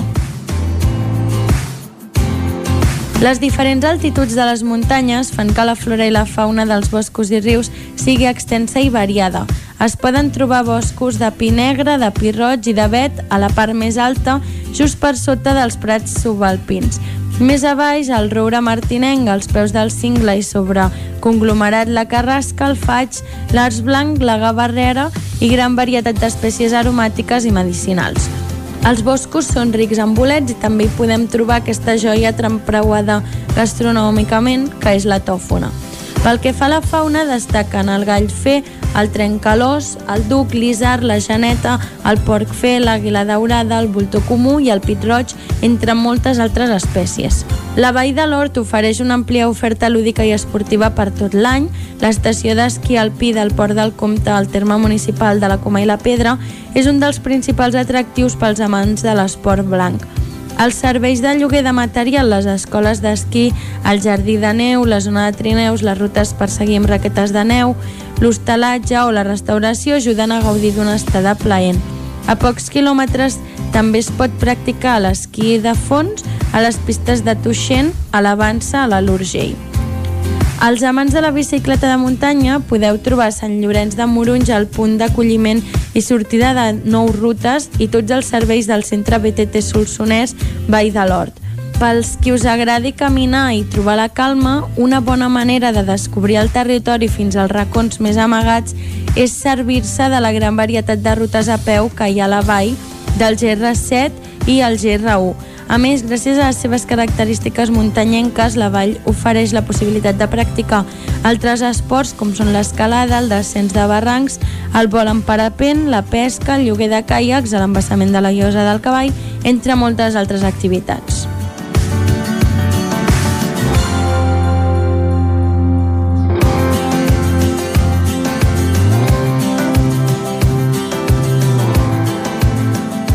Territori 17 A Tren d'Alba.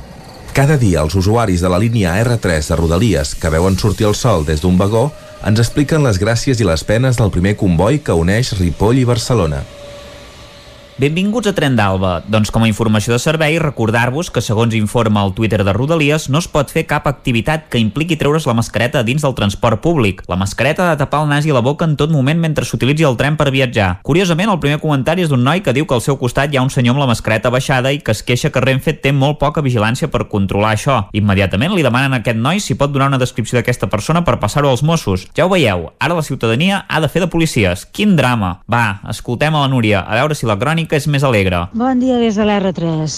Avui el tren ha sortit 6 minuts tard de Vic i ha arribat 10 minuts tard a destí. Us volia explicar això que estan dient del tancament perimetral. La veritat és que jo ja no sé què entendre pel tancament perimetral. Si vol dir que tancaran tot Catalunya, si a més a més ens tancaran per zones, si tancaran poblacions com van fer amb la Conca d'Òdena en el seu moment. Què vol dir exactament? Perquè és que tothom està especulant, tothom està dient el que li sembla, però no estan concretant gairebé res. Per altra banda, també m'he trobat amb que just avui m'ha donat per escoltar la ràdio i parlava un anunci de Renfe precisament que deia viatges a Q, viatge amb tren.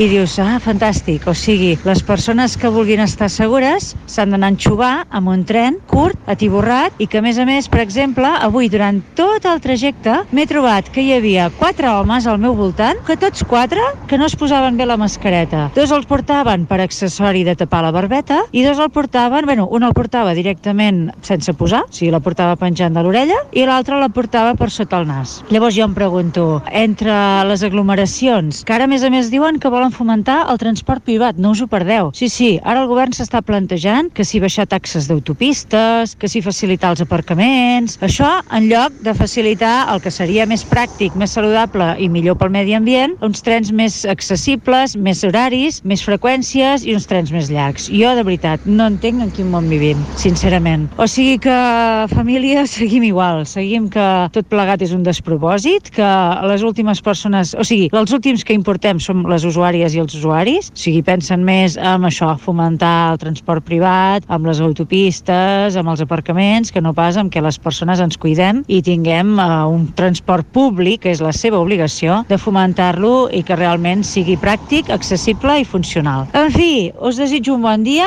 Avui sembla que no tindrem gaire fred. I res, seguim aquí a l'expectativa, a veure quin ens en diuen avui. Cada dia això és com un col·laborat, a veure quin ens en diuen. Bon dia, records des de la Núria de l'R3. Doncs mira, precisament hi ha molta gent que no fa cas a les obligacions que té anar en tren en temps de pandèmia. Molta irresponsabilitat per part d'aquestes quatre persones que no portaven la mascareta ben posada. Sembla mentida que encara ho haguem de recordar cada dos per tres. Va, ens retrobem demà i recordeu que ja portem un retard acumulat de 4 hores i 32 minuts des de l'inici d'aquest mes de setembre. Territori 17. El racó de pensar, a Territori 17. Doncs vinga, després d'anar al Solsonès i de passar per la R3, arriba el moment de saludar la Maria, oi, Vicenç? I tant que sí. Bon dia, Maria. Bon dia. Bon dia i benvinguts a un nou racó de pensar. Gràcies. Un altre cop des de casa. Malauradament oh. m'ha to tocat tornar-me a confinar, ah. així que avui torno a tirar de noves tecnologies per portar-vos un nou tema. Doncs vinga. Fa uns dies la revista Ara Criatures publicava un article de la Laura Pinyol sobre Covid i embaràs. I és que vivim en una època complicada, pandèmia mundial, pors, angoixes i un llarg etc. Però si afegim les inquietuds que genera un embaràs, doncs la pilota encara es fa més grossa. Per això avui hem volgut rescatar aquest tema i parlar amb gent que ens pugui explicar una mica quines són les diferències entre viure un embaràs avui dia i com era abans d'aquesta bogeria. Per parlar de tot això, avui contem amb la Susana Sancho. Ella és llevadora del Cap de Cardedeu. Bon dia, Susana. Hola, bon dia. I contem també amb la Laia Muñoz, que tot i que és regidora de Salut, i avui el tema ens ve molt al cas, avui participarà en qualitat de dona embarassada que està vivint aquest procés en plena pandèmia i acabes, a més avui em deixes donar un titular així important, eh? Laia Muñoz, bon dia i enhorabona, com estàs? Hola, bon dia. Doncs bé, millor, millor. Després d'un primer trimestre d'orillo, ara ja millor. Gràcies. Això t'anava a dir, primer trimestre, de quan estàs ara? Doncs mira, justament avui començo la setmana 15. Setmana 15, o sigui que realment avui estic donant això una primícia eh, municipal. Laia Muñoz, embarassada. Doncs escolta, moltes gràcies per participar també avui en qualitat això de, de ciutadana de peu. Eh, Som-hi, començaré precisament per tu, Laia. Eh, és la segona criatura. Quines diferències estàs, estàs visquent, sobretot en aquest sentit, més d'angoixes, nervis, com ho estàs passant? Mm, com a nivell de nervis, sí, no t'enganyaré que hi ha aquest punt de por, no? Tot i que intentes normalitzar dintre de la no normalitat la situació, um, hi ha aquest punt de por perquè tampoc saps ben bé què et pot passar si, si agafes la Covid estant embarassada, perquè en realitat, mm, com que és un, un, una malaltia molt nova, entenc que els mateixos professionals, quan hi vaig preguntar a la llevadora el primer cop que, que vaig anar em va dir que pot no passar-te res i inclús ni assabentar-te, com qualsevol altra persona que contrau el virus, com pot acabar sent molt greu. Però, clar, ens mouen un ventall molt ampli i aleshores, bueno, estic més espantada que no pas durant la primera onada, entre altres coses perquè no estava embarassada i ara hi ha aquest punt de, ostres, i sí, però també, aviam, tinc un altre petit que va a l'escola Llavors, bueno, intentar no perdre, no? O sigui, tenir la calma i dir, bueno, al final el que hagi de passar que passi no, i no ho puc controlar. I com que no ho puc controlar, tot el que depengui de mi ho faré i la resta, doncs, intentar gestionar-ho amb la millor tranquil·litat possible, amb la màxima tranquil·litat possible. Susana, suposo que això és una, una manera de fer-se una actitud eh, habitual, no? Si hi ha un embaràs sempre hi ha més inquietuds, doncs viure l'ara deu generar més angoixa. Com arriben les dones a la, a la consulta en aquest sentit? Bueno, ens hem trobat no, la primera part de la primera onada de la pandèmia, no? que hi havia molt desconcert i molta angoixa i que les dones tenien molta dificultat fins i tot per sortir de casa. No? Moltes vegades eh, els hi feia molt, molta por venir a la consulta o si venien, venien molt, molt protegides. No? Llavors, eh, sí que hi ha molta inquietud per aquesta incertesa perquè fins i tot, com deia la Laia, no? fins i tot els professionals ens movem en aquest ventall de que pot ser eh, amb molt poca sintomatologia com pot acabar eh, arribant a ser un quadre greu eh, que, que es veu compromès no perquè estàs embarassada no? i perquè hi ha un, una segona persona, no? En, en, no, no és només la mare, sinó que tenim eh, a un bebè, un bebè present. No? Llavors, tota aquesta incertesa a, a les mares afegida la incertesa no? de, de tots els canvis que provoca l'embaràs, eh, bueno, ha sigut difícil no? de, de gestionar per moltes dones. Perquè suposo que deuen haver inquietuds de tot tipus, no? Des del què passa si, si em contagio, a què passa si els hospitals estan saturats i no tenen mitjans, què és el que més, no sé, Laia, en el teu cas, si alguna d'aquestes coses que et preocupi especialment? Mira, a mi hi ha una cosa que, i mira que, que, em, que em queden molts mesos per, per parir, però uh, hi ha una cosa que, que em genera com molta angoixa, que és pensar que el dia que em posi de part, eh, durant el treball de part, hagi d'estar amb la mascareta a l'hospital, per exemple. Perquè no sé quin article vaig llegir durant la primera pandèmia, re, va ser un succés d'una dona i un home que ella es va posar de part i no es volia posar la mascareta a l'entrar a l'hospital això és el succés i és, i és un tema. Però a partir d'aquí vaig dir, ostres, però si estic de part, a la sala de parts, fent el, el treball de part, he d'estar amb la mascareta posada, amb el que, amb el que implica, i això, mira, ho tinc aquí en, en el cap gravat i vaig pensant, perquè pensava, bueno, a l'abril, quan em vaig quedar embarassada a finals de juliol, vaig dir, bueno, a l'abril esperem que la cosa estigui bastant millor, no solucionada, però bastant millor. I ara ja començo a tenir dubtes, perquè en realitat estem a novembre, no? Abril està aquí, la cantonada. Mm, mira, ho tinc aquí al cap i no, i no se'n treu. Però... I després, en realitat, eh, jo pateixo també perquè no, no es comencin a anul·lar visites i es faci un seguiment telefònic, no? que ho entendria perfectament per la situació i que, i que bé que es faci seguiment telefònic, que podria ni, ni poder-se fer això, però a mi, estant embarassada, m'agrada molt. De fet, aquest divendres tinc visita i tinc moltes ganes de que arribi divendres doncs, per estar en contacte amb la professional no? i que m'escolti, que em miri, que em digui, fer-li preguntes. Llavors, és una cosa que, que sí em sabria molt de greu que ara, si ve un confinament o, o, es, o es fan mesures més restrictives, em sabria greu tot i que, repeteixo, doncs, ho entenc perquè és el que hi ha i si si s'han de restringir visites, doncs, doncs és el que hi ha. Són representatives, no? Aquestes inquietuds, Susana, suposo que amb la gent que ve a la consulta. Totalment. És, és totalment això, no? El que deia la Laia, no? La, les angoixes de, durant l'embaràs, no? aquesta necessitat de contacte amb el professional, amb, amb aquest aquest seguiment que fem que jo crec que és molt proper, no? amb aquest contacte que és contacte real, no? de tocar la panxa, d'escoltar el bebè, de tota aquesta part no? i totes les inquietuds emocionals que es resolen a consulta, que sí que durant tota la pandèmia, sobretot en la primera onada, es va fer una assistència, es van restringir moltíssim les visites, no? I es va fer, es va intentar donar molta assistència eh, via telefònica, ens vam ingeniar fer videoconferències, bueno, de tots els mitjans que no s'havien posat fins ara no? en marxa, es van accelerar molt per, per donar aquest suport a les mares que sabíem que, que, bueno, pues que nosaltres també trobàvem molt a faltar aquesta assistència més propera. No? Llavors, jo penso que amb això hem millorat en el sentit que hem après a, a treballar amb distància a vegades, no? però treballar donant suport. Hem habilitat una línia telefònica directa amb les llevadores per, per si hi ha dubtes, no? que la dona tingui un lloc on, on poder arribar i tot això en quant al control d'embaràs. I la segona part és això, el pensar, i en l'hospital què em trobaré, no? Com serà aquesta assistència, què, què ha canviat no? en l'hospital, podrà entrar la meva parella, podrà no entrar la meva parella, hauré de, de parir no? i fer els pujos amb una mascareta que em limita no? a l'hora de respirar, no? llavors o, o em separaran o no em separaran del meu bebè, que en la primera part de la pandèmia a vegades amb dones que eren Covid positiu hi havia molts dubtes de si aquest bebè podia estar o no podia estar i va haver-hi situacions on ens han arribat mares no?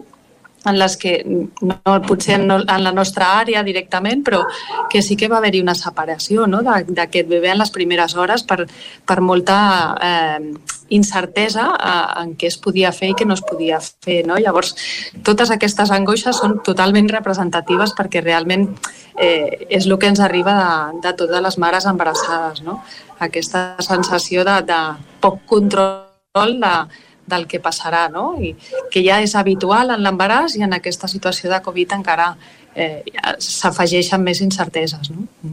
Les, les consultes no sé si les esteu podent fer eh, des del cap on estàs o l'AIA si has pogut anar amb la mateixa regularitat o està tot molt més restringit a nivell de, de visites? Una mica una de les inquietuds que tenies, no? si el seguiment podria ser tal com hagués sigut de l'altre sense Covid, diguéssim.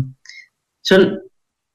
No, ara, ara per ara, eh, totes les visites que, que he tingut, que em tocaven per calendari, han sigut presencials i, i no he notat cap excepció, és a dir, el tracte està perfecte com amb l'altre embaràs. Ara patia perquè aquest divendres tinc visita i estem ahir, ahir de, bueno, a veure què diu la Generalitat, a veure si en qualsevol moment em truquen de, del CAP o de la CIT per anular-me la visita. Ara sí que estic una mica més pendent per, per el que pugui passar a partir de divendres, però fins ara tot, tot igual. No he, no he tingut cap canvi.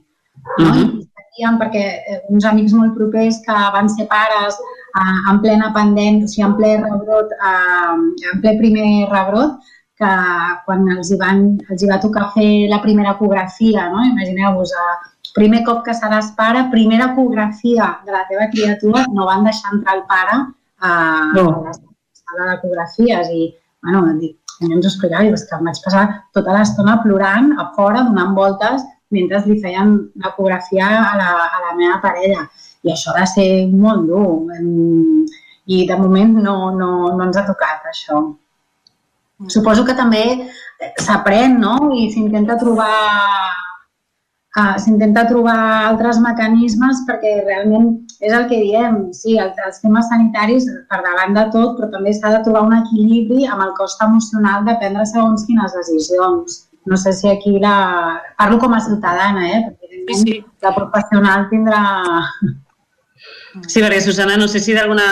Si, si això... Us imagino que cada centre o cada cap o cada hospital ha d'anar posant d'alguna manera les seves pròpies dinàmiques de funcionament, no?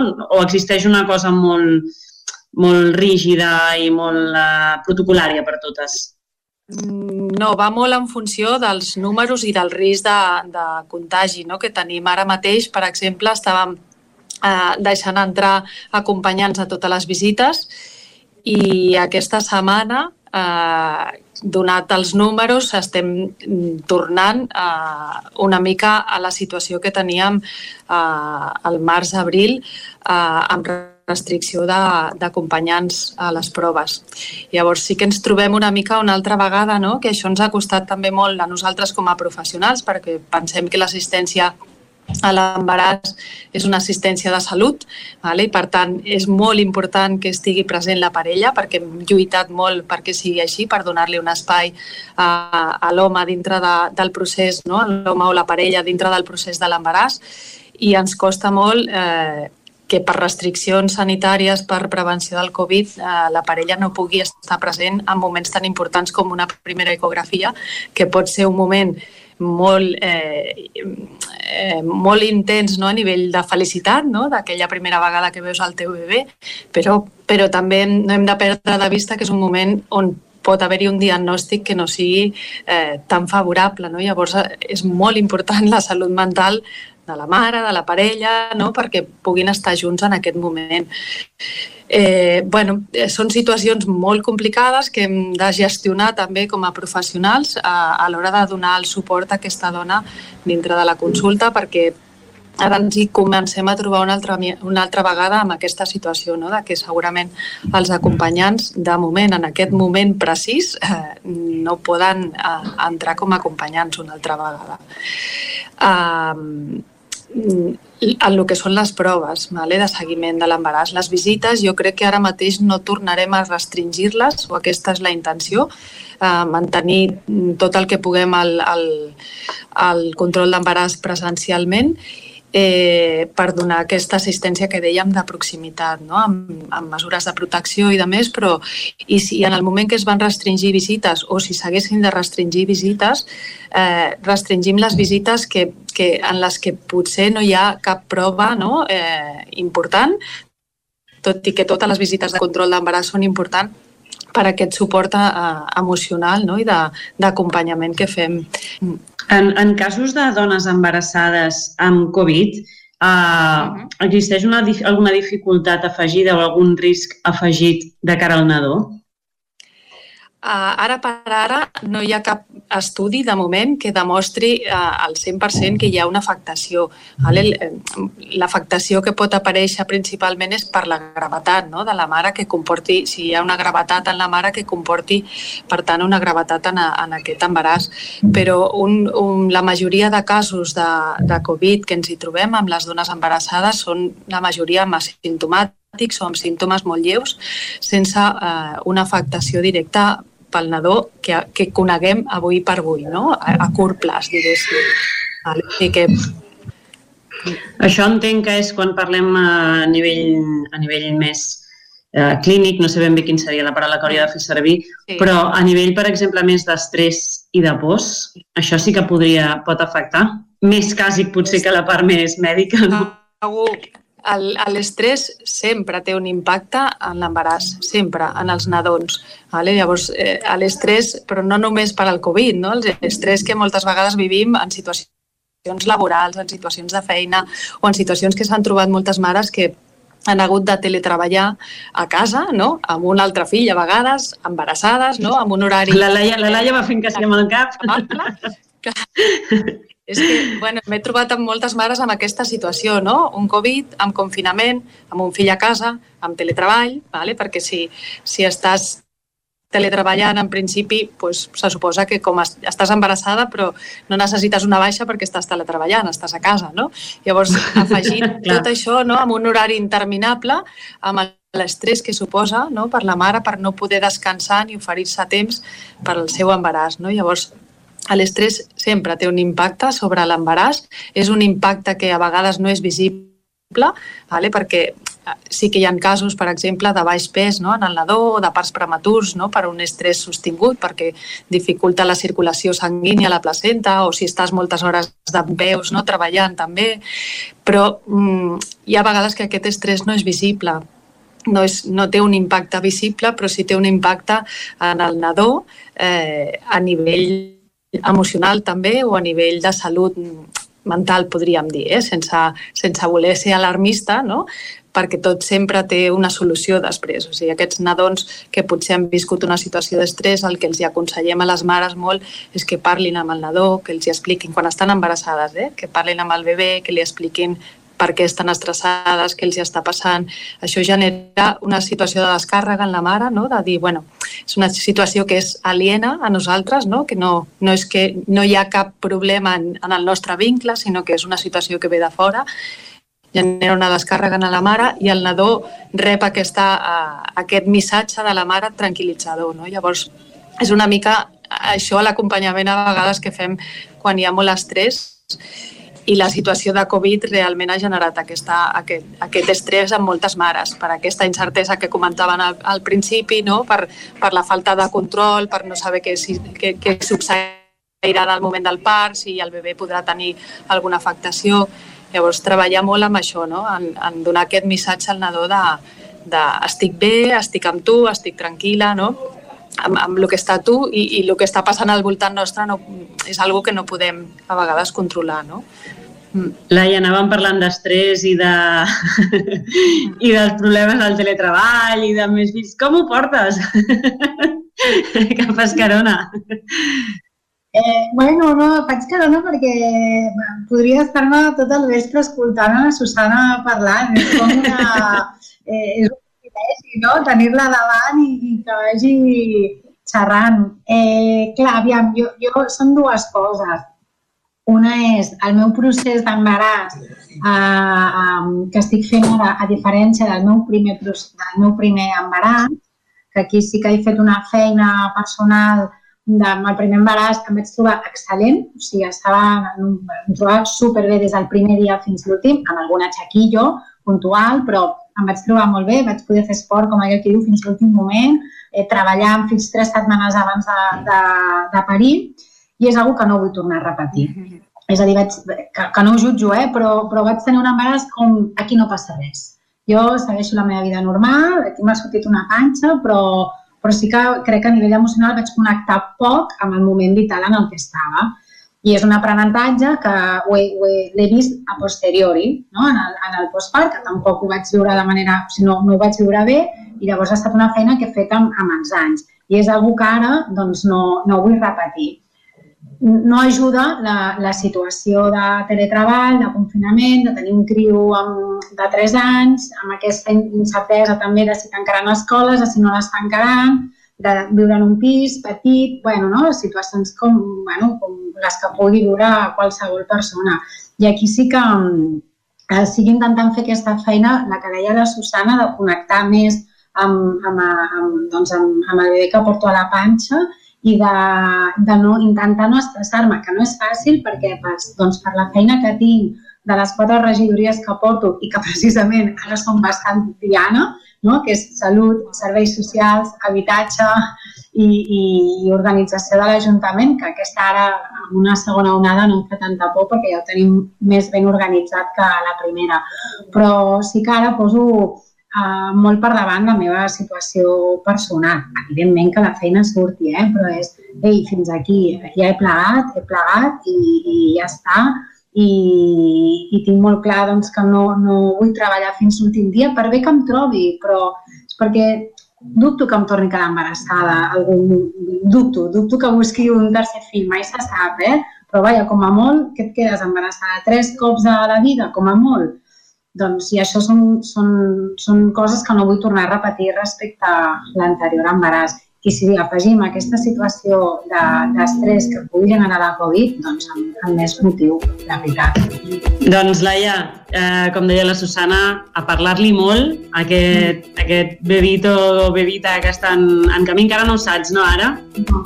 no. Encara, encara falta una mica per saber. Bueno, ja ens informaràs, ara que estarem pendents, i ara sí, perquè ens arriba aquesta música de fons que ens avisa que hem arribat al final del racó de pensar d'avui Mil gràcies, Laia, mil gràcies, Susana, per la tertúlia i per compartir amb nosaltres la vostra experiència. Companys de Vic, jo de seguida us torno un relleu, però abans deixeu-me recordar que dijous vinent tornarem a ser aquí amb un nou tema i una nova tertúlia Made in Racó de Pensar. Moltes gràcies, Maria. Doncs salut i fins dijous que ve. Eh? I nosaltres, Vicenç, anem per acabar. Ah, exacte, nosaltres us diem fins demà. És el dia que torna al territori 17 de les 9 del matí a les 12 del migdia. Correcte. Per tant, això, fins demà, a, de les 9 del matí a les 12 del migdia. Hem fet el territori 17 d'aquest dijous. Clàudia Dinarès, Isaac Muntades, Caral Campàs, David Auladell, Pepa Costa, Isaac Moreno, Txell Vilamala, Núria Lázaro, Cristina Enfruns, Maria López, Jordi Sunyer i Vicenç Vigues. Ara sí, salut i fins demà. Adeu. Adeu. Territori 17 un magazín del nou FM. La veu de Sant Joan, Ona Codinenca i Ràdio Cardedeu amb el suport de la xarxa. El nou FM